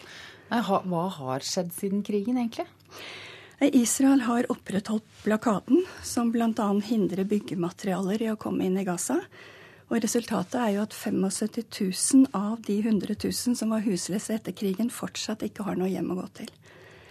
Jeg var i kontakt med dr. Suhaili igjen i går, og hun sa at de fortsatt har for lite medisiner og drivstoff til strømaggregatet. De er jo uten strøm i opptil 18 timer i døgnet på et sykehus nå når det ikke lenger er krig. Så blokaden, å heve, få hevet blokaden er det viktigste nå. I tillegg så eh, kveler jo den Gazas økonomi, sånn at de nesten ikke får eksportert. Det er 11% som går ut i forhold til før. Og en arbeidsledighet på over 40% og blant ungdom så er den over 60 Og dette med ungdom i Gaza, det tenker jeg er en tikkende bombe. De har opplevd tre kriger og levd mm. under blokade i ni år. Mm. Og for dem er israelerne noen som bomber dem og hindrer dem i å, i å leve normale liv. De, de, vet jo at det ikke er offer for en naturkatastrofe, men at det er en ønsket politikk. Og det fører jo en hel generasjon til som vokser opp til med et hat mot israelerne. Og jeg har snakket med foreldre i Gaza som er redd for at det hatet kan utnyttes av, av ekstremister som IS. Det er det jo mange som er redd for. Men hva er løsningen? Hva kan norske myndigheter gjøre, f.eks.? Norske myndigheter kan presse på Israel for å oppheve blokaden. Uh, I dag så er det jo to år siden angrepet på Gaza, som du sier. og 44 eh, internasjonale humanitære organisasjoner verden oppfordrer nå verdens ledere til å legge press på Israel for å oppheve blokaden. Blokaden er en kollektiv straff som er forbudt ifølge folkeretten. Så vi har nå en verdensomspennende underskriftsaksjon som henvender seg til Obama, Merkel, Hollande osv. Og, så og til Erna Solberg. Mm. Og Kirkens Nødhjelp og Norsk Folkehjelp det er de norske organisasjonene som er med. Mm. Og jeg oppfordrer alle lyttere til å søke opp Kirkens Nødhjelp på Facebook. Og der finner dere lenke til underskriftsaksjonen og til en video om situasjonen i Gaza. Takk for at du kom hit til Nyhetsmorgen, Kirsti Næss i Kirkens Nødhjelp. Du hører på Nyhetsmorgen. Dette er hovedsakene akkurat nå. Mange bilister tar for lite hensyn til asfaltarbeiderne, kjører for fort forbi dem som må arbeide midt i trafikken. I Sør-Kina har over 180 mennesker mistet livet i kraftig flom den siste uken.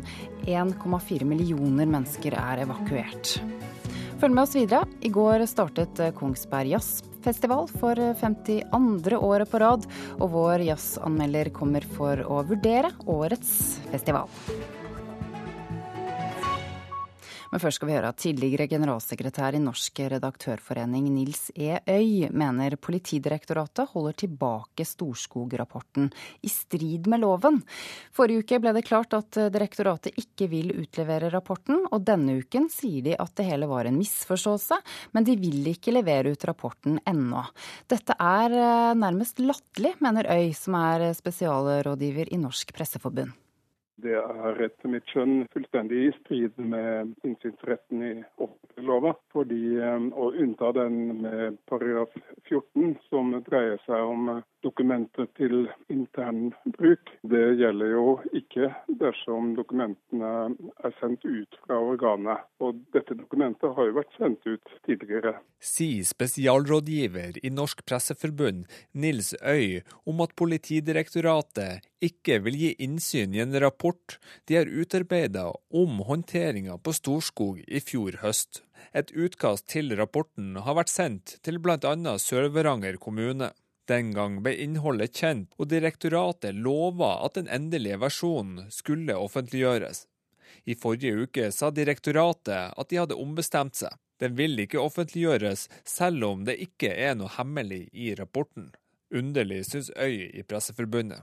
Og når de i tillegg sier at det ikke er noe hemmelig i dokumentet, så er det ikke hjemmel i, i, loven til å unnta det. Denne uka tok seksjonsleder Jan Erik Thomassen i POD kontakt for å si at hele rapporten likevel vil bli offentliggjort, men de vil fortsatt vente med offentliggjøring til de skal ha en helhetlig presentasjon om politiets innsats til høsten. Nils Øy ser ingen grunn til at Storskog-rapporten skal tilbakeholdes. Nei, jeg gjør ikke det. Det blir nærmest latterlig den måten de, de opptrer på for å ikke gi innsyn. Reporter Tarjei Abelsen. Vi skifter tema. I går åpnet Kongsberg Jazzfestival for 52. året på rad. Og en av de første konsertene var med Hanna Paulsberg Konsept på en av klubbscenene. Vi skal høre et lite utdrag.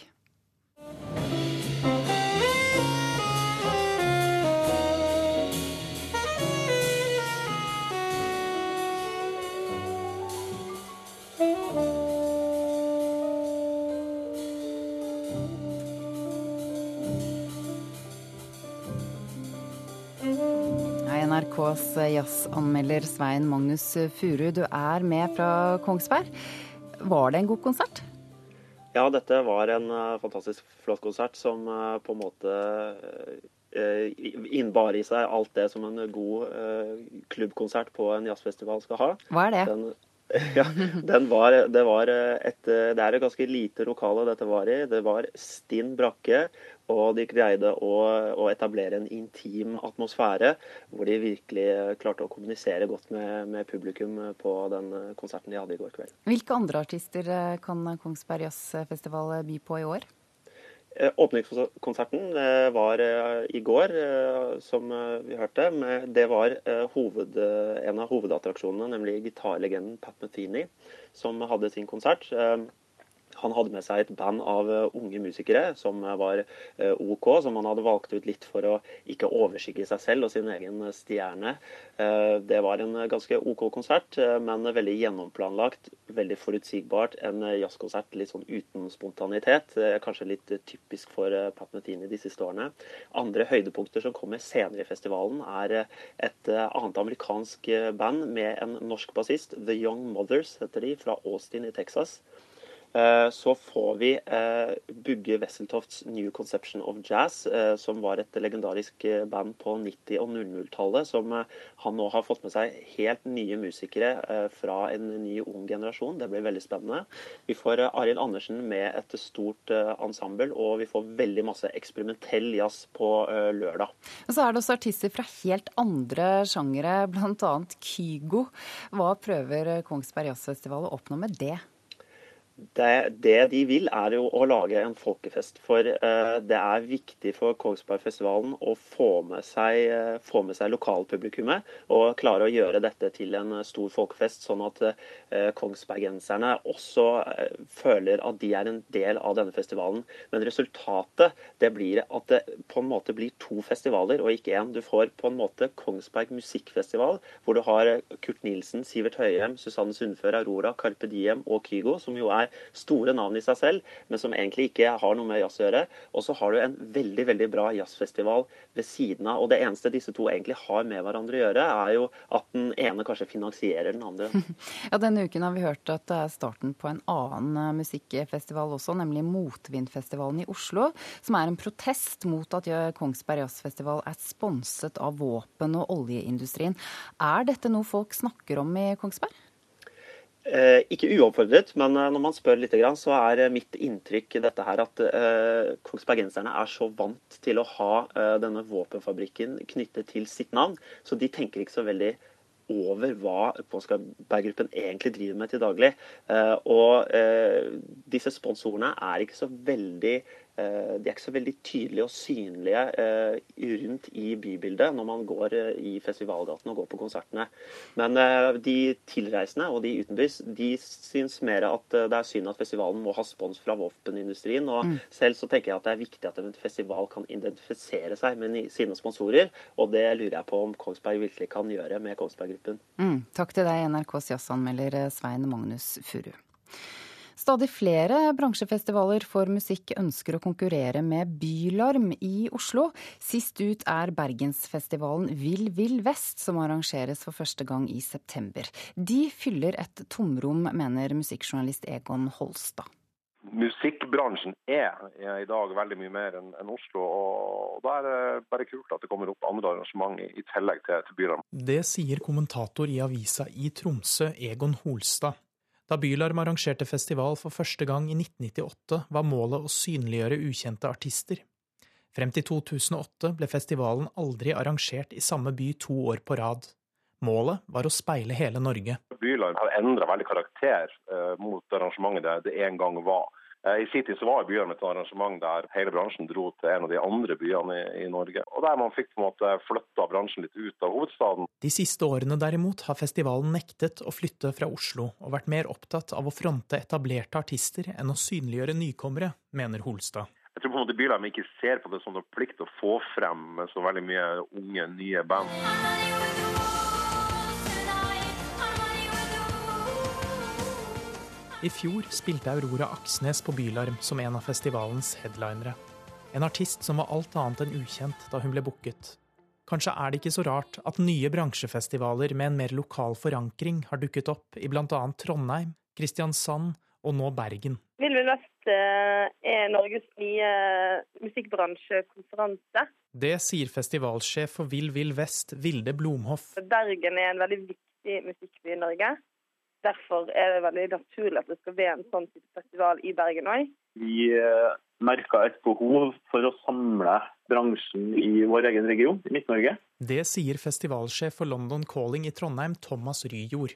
Ikke alle aktører fant lenger eh, sin naturlige plass i Bylarm. Programansvarlig i Bylarm Joakim Haugland ønsker de nye bransjefestivalene velkommen, men avfeier kritikken om at festivalen hans ikke bryr seg om nye artister. Vi har flere ukjente og mindre band nå enn vi egentlig noen gang har hatt. Det faktum at vi har åpnet opp for skandinaviske og internasjonale band, gjør jo bare at eh, de norske bandene skjerper seg og får inspirasjon og impulser utenfra. Det er jo bare positivt for norsk musikk. Jeg kan ikke se noe annet enn det. Haugland er likevel enig i at Bylarm ikke er det de en gang var. Bylarm har på en måte hatt den eh, posisjonen som nå disse nye festivalene festivalene har tidligere, men vi må bevege oss videre. Og, og vi kan ikke stå stille. Og jeg tror at eh, For norsk bransje så kan man ikke se bakover eller innover, man må se utover og komme seg videre. Laget eh, av Anna Revheim og Fredrik B. Låke. Politiet i Gudbrandsdalen ser alvorlig på det de mener er organisert råkjøring av utenlandske reiseselskaper. I går, fikk, eh, I går, ble en fører tatt da mellom åtte og ti tyskregistrerte Porscher drev villmannskjøring nedover Ottadalen. Og det er ikke første gang. Dette er ikke første gang. De har vært en gjenganger over store deler av Sør-Norge nå eh, i noen uker. Med Porscher som er tyskregistrert. Det eh, har vært noen israelere bl.a. som har eh, vært ved turen her. Og vi har fått mye klager. Det har også vært straffereaksjoner mot enkelte av førerne pga. stygg kjøring. Det sier operasjonsleder Jørgen Berg i Gudbrandsdalen politidistrikt. Politiet fikk stoppet en av bilene i går, og sjåføren fikk 10 000 kroner i bot og seks måneders kjøreforbud i Norge. Og ifølge Berg er det utenlandske selskaper som står bak. Det hele virker svært organisert. Det vi har fått, er at det går jo i svært høy hastighet og stygge forbikjøringer, og noen ganger også bærer litt preg av kappkjøring. Vi har vel også indikasjoner på at de også kjører med følgebil i front, å, eller en frontbil, for å nettopp se etter politi og politikontroller. Så det er godt organisert og tydelig at de vet godt hva de driver med og norske trafikkregler. Reporter Trond Ivar Hagen.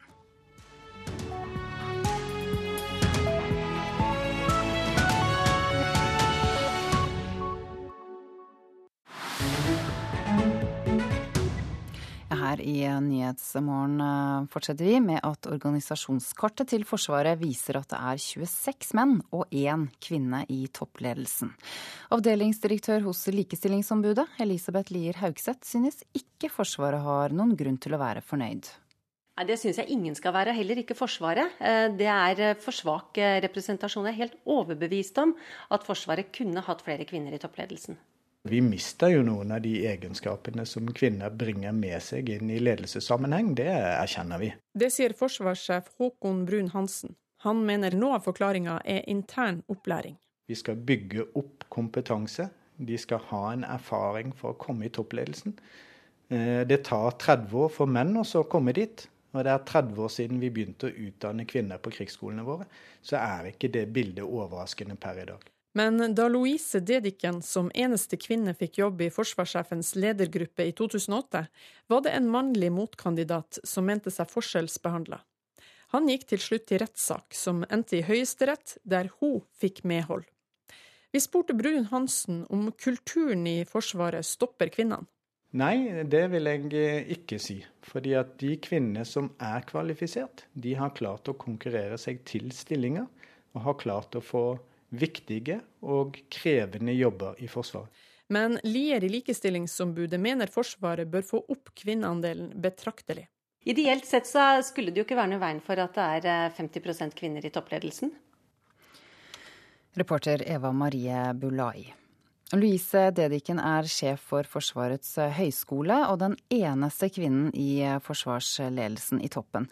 Men hun måtte gjennom en lang arbeidsrettssak før hun fikk slått fast at hun var kvalifisert til jobben. Jeg søkte en jobb og fikk den, og var veldig glad for det. Og jeg hadde faktisk ingen idé om eller informasjon om at det var en mannlig søker som ikke var fornøyd med det, og som tok saken først til Likestillingsombudet, videre til Likestillingsnemnda, så til eh, tingretten. Og saken gikk videre i rettssystemet til lagmannsretten og endte i Høyesterett. Ja, det tok seks år før Høyesterett slo fast at du ikke fikk jobben fordi du var kvinne, og kvoterte inn. Hvor viktig var det for deg? Det var utrolig viktig for meg å få vite fra Høyesterett at jeg fikk jobben ikke fordi jeg var kvinne, men rett og slett fordi jeg var best kvalifisert. Ja, du vant jo i eh, tingretten. Da valgte Forsvarsdepartementet og staten å anke saken. Du fikk altså ikke støtte fra staten eh, heller. Hvordan var det? Altså, det var, eh, det var motparten som anket saken fra tingretten og til lagmannsretten. På det tidspunktet så var ikke jeg en del av saken i det hele tatt, så jeg hadde veldig liten informasjon om hva som skjedde. Forsvaret sier, som du hører i saken, at det er for få kvinner fordi det tar 20-30 år å få den ledererfaringen man trenger i toppen. Hva syns du om den uttalelsen? Nei, Jeg respekterer uttalelsen. På samme måte så tenker jeg at um, jeg tror vi må utfordre akkurat den påstanden. Fordi um, det er få kvinner i ledelsen i Forsvaret i dag. Og hvis vi skal få til en endring, så må vi gjøre noe annerledes. Og vi vet jo at det vi gjør i dag, det fører faktisk ikke frem når det gjelder å få flere kvinner opp og frem. Så vi må gjøre noe annerledes. Det er min eneste kommentar til det. Ja, er det som skjedde med deg et enkelttilfelle, eller er det en del av en kultur? Jeg håper for guds skyld at det var et enkelttilfelle. Men jeg tenker samtidig at det var en veldig viktig sak, og særlig for de eh, jentene som ønsker å komme inn etterpå. Eh, og for samfunnet generelt eh, så var det en viktig sak å få stadfestet at det var den best kvalifiserte som faktisk ble ansatt. Hvorfor er det så viktig å ha kvinner på toppnivå i Forsvaret? Jeg tenker at Vi gjør jo en veldig viktig jobb. da. Vår eh, jobb i stort det er jo å forsvare landet vårt. Eh, og jeg tenker at eh, den oppgaven den er både for stor og for viktig til at den skal overlates til nesten bare ett kjønn. Du har vært alene i forsvarssjefens ledergruppe i ni år. Hvordan er det å være eneste kvinne? Ehm, jeg har ikke vært alene hele tiden, for Kristin Lund var generalinspektør for Heimevernet en periode, og hun var der sammen med meg, og det syns jeg var veldig flott. Ehm, det å være alene i forsvarssjefens ledergruppe Jeg vet jo nesten ikke noe annet, annet enn da Kristin var der. Ehm, men jeg skulle selvfølgelig ønske meg at det var flere. Og jeg tenker at i alle andre sektorer så tar man det som et selvfølge. Hvordan kan det rekrutteres flere kvinnelige ledere på toppnivå, mener du? Jeg mener at uh, organisasjonen må vise vilje uh, til å foreta en endring. Uh, og da må det motiveres, og det må selekteres. og jeg tenker at det må til en viss grad særbehandles. Så særbehandling vil til en viss grad kunne føre til god likestilling. Ja, vil Forsvaret dette nok, da? Det er jo det gode spørsmålet. Og jeg tenker at det er der vi må utfordre. Ja, Det sa Louise Dedichen, som er sjef for Forsvarets høgskole. Å markere samhold i Nato blir aller viktigst når alliansens regjeringssjefer i morgen møtes på toppmøtet i Warszawa. Det sier forsvarsminister Ine Eriksen Søreide, som i dag drar til Polen, sammen med statsminister Erna Solberg og utenriksminister Børge Brende. Vi står i en situasjon der Nato opplever et mye mer uforutsigbart og komplisert trusselbilde rundt hele alliansen. Og det må vi møte med en langsiktig tilpasning som bygger på kollektivt forsvar, evnen til å forsvare landene, og ikke minst evnen til å hindre at konflikt oppstår, som jo egentlig er hovedrasjonalet til Nato. Jeg tror noe av det aller viktigste på toppmøtet nå blir å demonstrere tydelig alliert samhold det har vi klart i eh, lange perioder nå, og det blir ikke noe mindre viktig framover. Og særlig fordi at uh, verden er urolig. Og da er det å vise samhold, vise at vi er en politisk allianse med et verdifellesskap, noe av det aller viktigste. Ja, I Warszawa skal Nato eh, finne ut hvordan soldater skal utplasseres i Øst-Europa. Hvorfor gjør man dette? Her må vi jo være klar over at mange land i Øst-Europa har en helt annen historisk erfaring med Russland enn eh, andre Nato-land. Og det betyr at eh, den aggresjonen Russland har vist overfor Ukraina, har selvfølgelig satt dype spor i de baltiske landene og Polen særlig. Det betyr at alliansen også er nødt til å bidra til beroligelse av disse landene. Det har vi gjort egentlig nå i to år med ulike virkemidler, der Norge også har bidratt eh, tungt. Og det er viktig at vi i den langsiktige tilpasninga av alliansen også viser at vi er i stand til å berolige og avskrekke konflikt. Det er noe av det aller viktigste. Skal Norge bidra med soldater? Vi har det til vurdering og kommer tilbake på toppmøtet med vår, vår innfallsvinkel der. Ser du noen grunn til at Norge ikke skal bidra med soldater her? Norge er og har alltid vært en troverdig alliert, en solid alliert. Og vi har bidratt eh, mye i de beroligelsestiltakene som nå er gjennomført. Eh, og for oss er det viktig at vi også i framtida bidrar inn i alliansen. Tysklands utenriksminister eh, sa for en del uker siden den tar feil som tror man skaffer mer sikkerhet ved å gjennomføre symbolske panserparader mot østgrensen. Og det vi ikke må gjøre nå, er å forverre situasjonen med sabelrasling og krigshyl. Hvor tar han feil? Jeg forholder meg til det Tyskland er med på å vedta i Nato. Og der har Tyskland vært med på alle tiltak, alle vedtak som har dreid Nato i den retning Nato nå er. Det har både han som utenriksminister, min gode kollega Ursula von der Leyen som forsvarsminister og også Angela Merkel. Og Tyskland er for Norge også en viktig alliert. Vi har et nært bilateralt samarbeid både med Tyskland, Storbritannia, Frankrike, Nederland og ikke minst USA. Og for oss er det viktig at vi fortsetter på den veien Nato nå har begynt. Men er du enig i det utenriksministeren i Tyskland sa? Nei, jeg er ikke enig i det. Og jeg forholder meg som sagt til det de mener og vedtar i Nato. Kan det Nato gjør bidra til å øke konflikten med Russland, da?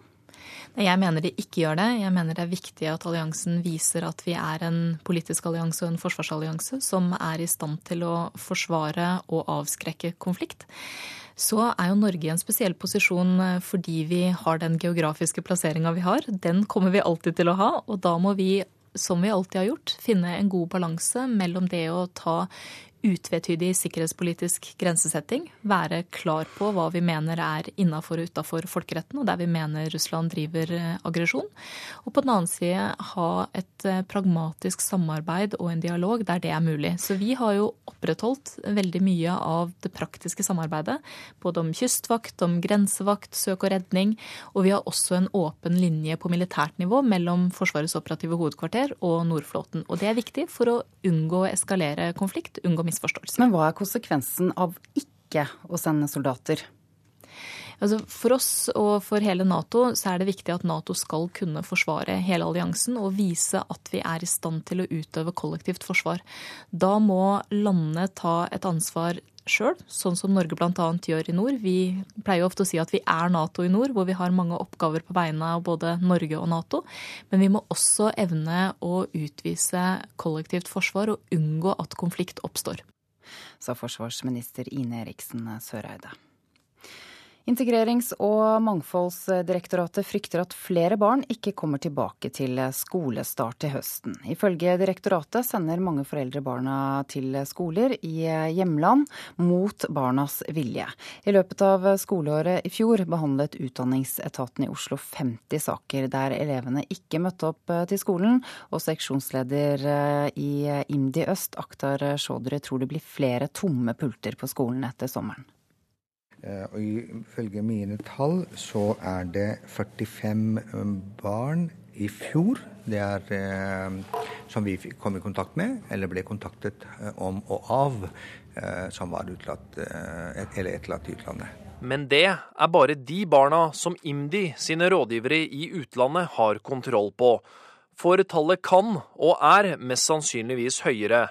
Og nå, med sommerferien godt i gang, frykter seksjonsleder i IMDi Øst, Akhtar Chaudhry, at flere barn ikke vil komme tilbake til skolebenken i Norge. Sånn har det vært eh, over en lang, lang tid, eh, og jeg, har, eh, jeg, frykter at det vil også skje i år. Barn som sendes ut av landet har vært et hett politisk tema i flere år. Rapporten Transnasjonal oppvekst fra 2014 viste at dette var størst blant norsk-somaliere, men også utbredt blant barn med pakistansk og irakisk bakgrunn. På undersøkelsestidspunktet var nesten 200 norsk-somaliske barn registrert bosatt i Somalia. SV-politiker Zaid Amin har selv somalske røtter, og mener dette er uheldig. Det skaper en del Eh, vanskeligheter. For når de kommer tilbake, så har de ikke eh, mulighet å følge med den vanlige undervisningen som foregår på skolen. Ifølge Amin sender mange foreldre barna sine til hjemlandet for at de skal lære seg foreldrenes morsmål, men også fordi elevene har havnet i feil miljø. Jeg har hørt eh, at innad i miljøet at det er en del eh, ungdommer som har, eh, som har laget en del problemer og havnet på en kanskje dårlige miljø, som de skal eh, tilbake til hjemlandet for å lære kulturen og hvordan de skal oppføre seg, sånn at de blir bedre. I bydel Sagene, som kun har fire skoler, var det til sammen 46 elever som ikke møtte opp til skolestart i fjor. Når skolene ikke lykkes med å få tak i elevene, prøver Nav å få tak i foreldrene, forteller leder for sosiale tjenester ved Nav Sagene, Kirsten Rytter. Og Det er fordi at de tenker at vi har muligheten også, kanskje, for å se om vi vet hvor disse barna er, og kan eh, hjelpe dem med å spore opp eh, barn. Men de gjør det også fordi det er en rutine. Eh, og det henger sammen med at barn som ikke går på skole og oppholder seg i Norge, de har heller ikke rett på barnetrygd, med mindre det er søkt spesielt om det. I løpet av skoleåret i fjor behandlet Utdanningsadministrasjonen i Oslo 50 saker vedrørende udokumentert elevfravær, og har eller vil anmelde foreldre til fire av disse elevene. Kirsten Rytter sier mange elever kommer tilbake når Nav kutter barnetrygden. Altså, det er jo en av våre hensikter. Eh, og hensikten med rutinen det er, at, eh, det er at barna skal komme tilbake fordi kanskje de inntektskildene som de har, eh, foreldrene har fra Norge, da stoppes. Og noen kommer også tilbake. Reporter her var Øsker Tufan. Du hører på Nyhetsmorgen i NRK P2 og Alltid nyheter. Dette er hovedsakene våre i dag. Det er langt fra likestilling på toppen eh, i Forsvaret. Blant 27 toppledere er bare én kvinne. Asfaltarbeidere forteller at de blir truffet av biler som har det travelt med å komme forbi. Og som dere har hørte, flere titalls elever i Oslo-skolen kommer sannsynligvis ikke tilbake til klassen sin ved skolestart til høsten. I natt norsk tid sendte russerne opp en ny type romfartøy som skal til den internasjonale romstasjonen. Om bord er det tre romfarere fra Russland, Japan og USA. Fartøyet skal bruke ekstra lang tid på å nå frem til stasjonen, slik at ingeniørene kan friskmelde den. Kollega Halvard Sandberg, hva er dette nye romfartøyet? Altså Det er jo fortsatt en eh, Soyuz-kapsel. Det er det russerne har brukt ja, siden omtrent Gagarin ble skutt opp for veldig lenge siden. Men dette er altså en ny versjon med ny, nytt utstyr, og da kan det ting gå galt. Selv om det nye utstyret stort sett er for navigasjon og gjør det enda sikrere. Men eh, russerne har hatt noen uheldige episoder hvor de sender eh, nytt utstyr ut i rommet, og det har ikke gått så veldig bra. Og nå er det altså tre mennesker om bord som er helt avhengig av at alt fungerer sånn det skal gjøre. Foreløpig så ser det greit ut. Men hvor stor vil du si at risikoen er da, når man eh, sjekker eh, nytt utstyr? Altså Risikoen for at disse tre, at det skal gå dårlig med de tre om bord, den er veldig veldig liten. For det er sånn doble systemer for alt som har med tripp trippeldobbeltsystemet for alt som har med sikkerhet å gjøre. Men det at de ikke når frem dit de skal, der er det absolutt en, en eh, fare for det. At ferden ikke går bra. At de får et teknisk problem nå, når som helst. Kanskje det skjer eh, akkurat nå. Eh, som gjør det at de må avbryte ferden og bare komme seg ned. Det, det, det er absolutt til stede. Er, du er ikke sikker på hvordan slikt utstyr vil fungere i, ute i rommet før du faktisk har det der oppe. Men til nå har det gått bra? Til nå har det gått bra, ja. De sirkler rundt i en 280 km høyde omtrent over hodene vårt eh, hvert 90. minutt. Så det ser veldig bra ut. Hva vet vi om eh, disse som er om bord? Altså, det er tre stykker. og Det er en russer, og en japaner og en amerikaner. og det, Russeren han er en meget erfaren eh, astronaut, eller kosmonaut som det heter. Han har vært oppe før. Og denne japaneren han har ikke vært eh, så veldig mye i rommet. Han har ikke vært det i det hele tatt, men han har flydd veldig mange fly, da, så han er pilot. Men så har du eh, den 37 år gamle astronauten Kate Rubins som er oppe på sin eh, første tur. Og hun er der oppe rent ved en tilfeldighet, for hun tenkte seg egentlig ikke å skulle bli astronaut. Hun søkte i 2007 fordi hun var jo egentlig biolog, og det var det hun skulle være, men da se hva som skjer nå. Og så ble hun antatt. Yes. Og eh, fra 2009 så har hun da trent til å være NASA-astronaut og er ute på sin første tur nå. og Hun er veldig, veldig eh, ivrig på dette her og tvitrer og sier at dette blir kjempehyggelig. Men nå skal hun altså tilbringe to døgn i en liten boble av metall som er omtrent så stor som en mellomstor bil, sammen med to menn. Og så har de måttet seg utstyr der, og toalett i vektløs tilstand. Så, så hyggelig blir det ikke? Nei, ikke nødvendigvis. I hvert fall ikke hvis hun blir romsyk, at hun kaster opp og sånt. Og da er det veldig ubehagelig. Uff a meg. Takk for at du fortalte om dette, kollega Halvard Sandberg.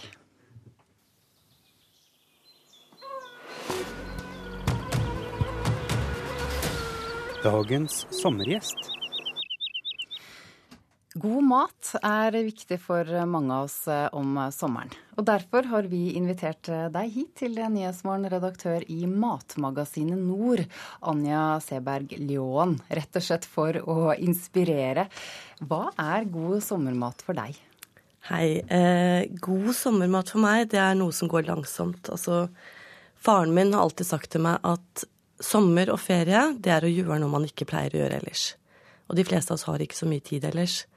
Og jeg tenker at sommermat, det er å dra opp den makrellen som broren min gjorde i går, med båten full av unger, pakke den inn i folie og legge den på grillen, og bare ta det langsomt. Det skal være langsomt. Hva er eh, favorittingrediensene da nå i juli, i tillegg til makrell? jeg har hytte, eller Mitt paradis er på en øy som heter Valøy utenfor Nøtterøy. Og det blir der jeg er, stort sett, hvis ikke jeg uh, surrer litt rundt i Norden. Og eksempel så er det noe som heter morenepoteter der. Noen bitte små, søte poteter. Det smaker eh, veldig, veldig sommer og deilig for meg. Dill. Altså de helt enkle tingene, de ugjølete tingene. De som er i nærheten. Bær. Eh, de som Kjøp deg en spekeskinke og heng den bak døra. Eh, skjær noen gode skiver og ta deg et godt glass til.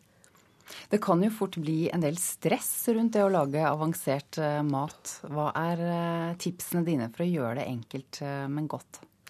Altså det er først og fremst å ikke stresse.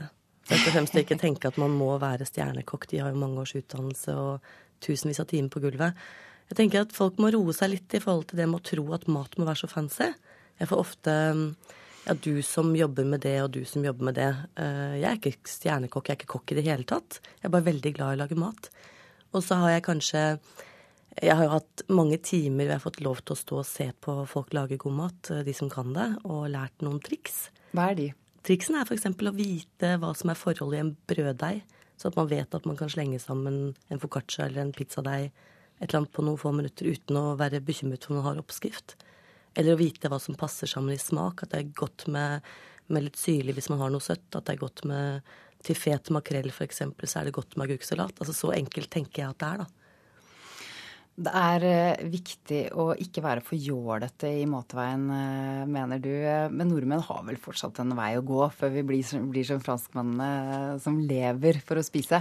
Helt klart. Eh, det som vi gjør feil, jeg skal ikke si vi gjør noe feil, men det vi gjør annerledes, da, først og fremst, er at vi hamstrer. Vi kjøper i svære bøtter og lass. Sånn ti for to og tre for 20 og omvendt. Og vi reiser til Sverige, og vi fyller handlekurven, og så stapper vi fryseren, og så tenker vi at nå har vi mat til lenge. Og så gjør vi det veldig fort etterpå. Alt skal gå fort. Alt er ferdig marinert, alt er ferdig kuttet og skåret og blandet. Jeg tenker at det som er den største trenden i alle eh, fag over hele linja nå, det er å ta tiden tilbake. Og stå og rive opp den salaten selv, da, når du har skylt den selv. Mm. Det er ikke veldig tidkrevende, og det er ganske hyggelig å bare stå og fikle med noe og kikke ut av vinduet. Men for dem da som ikke orker å lage maten selv i sommer, og som heller vil eh, spise ute, hvilke mm. restauranter vil du anbefale her i landet? Her i Norge? Ja. Jeg vil jo først og fremst, Nå er det jo veldig travelt. Jeg snakket nettopp, eh, jeg var sammen med en hel mengde kokker forleden dag og snakket med en av dem som har en veldig populær restaurant i Oslo, eh, Bakkus. Eh, hvor de står og griller ute. Men nå har de nesten ikke tid til å ta imot alle de kundene som kommer. For det å sitte ute og spise grillmat hvor du vet det er topp kvalitet, det har veldig mange lyst til. Eh, så ikke for at jeg ikke vil anbefale å gå til Bakkhus, men jeg har sagt til dem at hva med å dempe menyen litt, ikke ha så mange retter, eh, prøve å gjøre det enklere. Jeg satt på festningen forleden dag og spiste mm, hamburgere med noen gjester fra Jordan.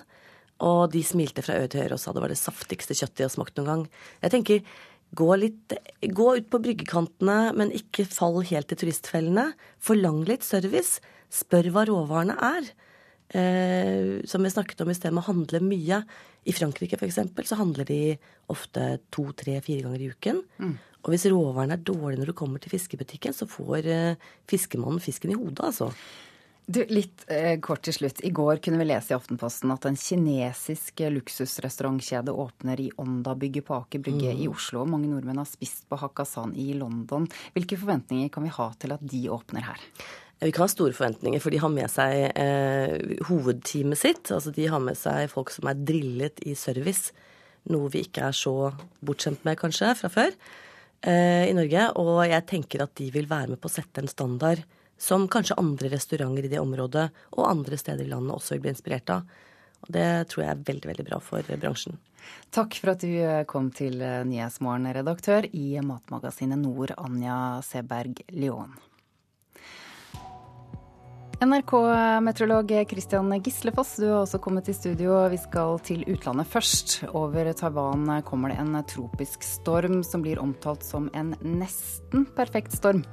Ja, det stemmer det. Den, på lokalspråket så heter den Nepartak. Og den nesten perfekte stormen, som du sier, oversatt til norsk. Og i løpet av et døgn nå så kommer den inn over Taiwan, og da venter vi at han kommer til å blåse helt vanvittig. I øyeblikket ligger han på 280 km i timen.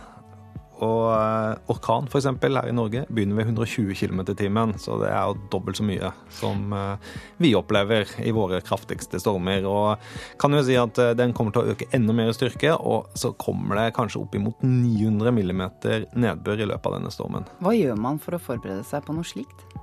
Nei, evakuere er vel nesten beste rådet. Altså, jeg ser myndighetene på Taiwan har evakuert eh, diverse ferieøyer. Og eh, så er det jo å prøve å søke til områder hvor den ikke treffer så hardt. Fordi man beregner jo hvor denne kommer til å bevege seg, og heldigvis for uh, så ser det ut for tapei at den beveger seg sør for disse områdene, men eh, de vil nok merke den der òg. Og det er å holde seg innendørs, ikke oppsøke dette været, altså, for det er kraftige saker. Det er kanskje like greit at været her til lands er litt eh, mer kjedelig i dag, da? Ja, det er litt, eh, litt mer kjedelig her.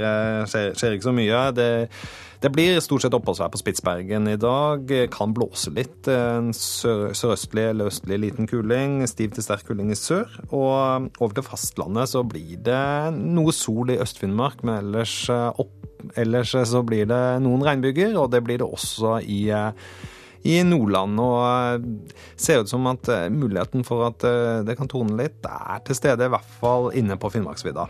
Og lenger sørover så starter dagen med noen regnbyger i Trøndelag med Romsdal, og så blir det lettere vær og perioder med sol utover ettermiddagen. Vestlandet sør for Stad en skyet værtype, og kommer litt regn inn i Rogaland nå etter hvert. Og dette beveger seg videre oppover til Hordaland, Sogn og Fjordane i ettermiddag kveld. Og Sørlandet, Østland, Telemark mye sol tidlig på dagen, også mer skyer, særlig på Sørlandet. Og da kommer det også litt regn vest for Kristiansand. Er dette typisk norske sommervær, da? Ja, det er egentlig det. Altså, nå har vi et lavtrykk som ligger i vest, og det gir bygevær. Dette er Nyhetsmorgen du hørte på på NRK P2 Alltid nyheter. Ansvarlig for sendingen har vært Anders Borgen Werring. Teknisk ansvarlig Espen Hansen. Produsent Vidar Eidhammer. Og jeg heter Ida Creed.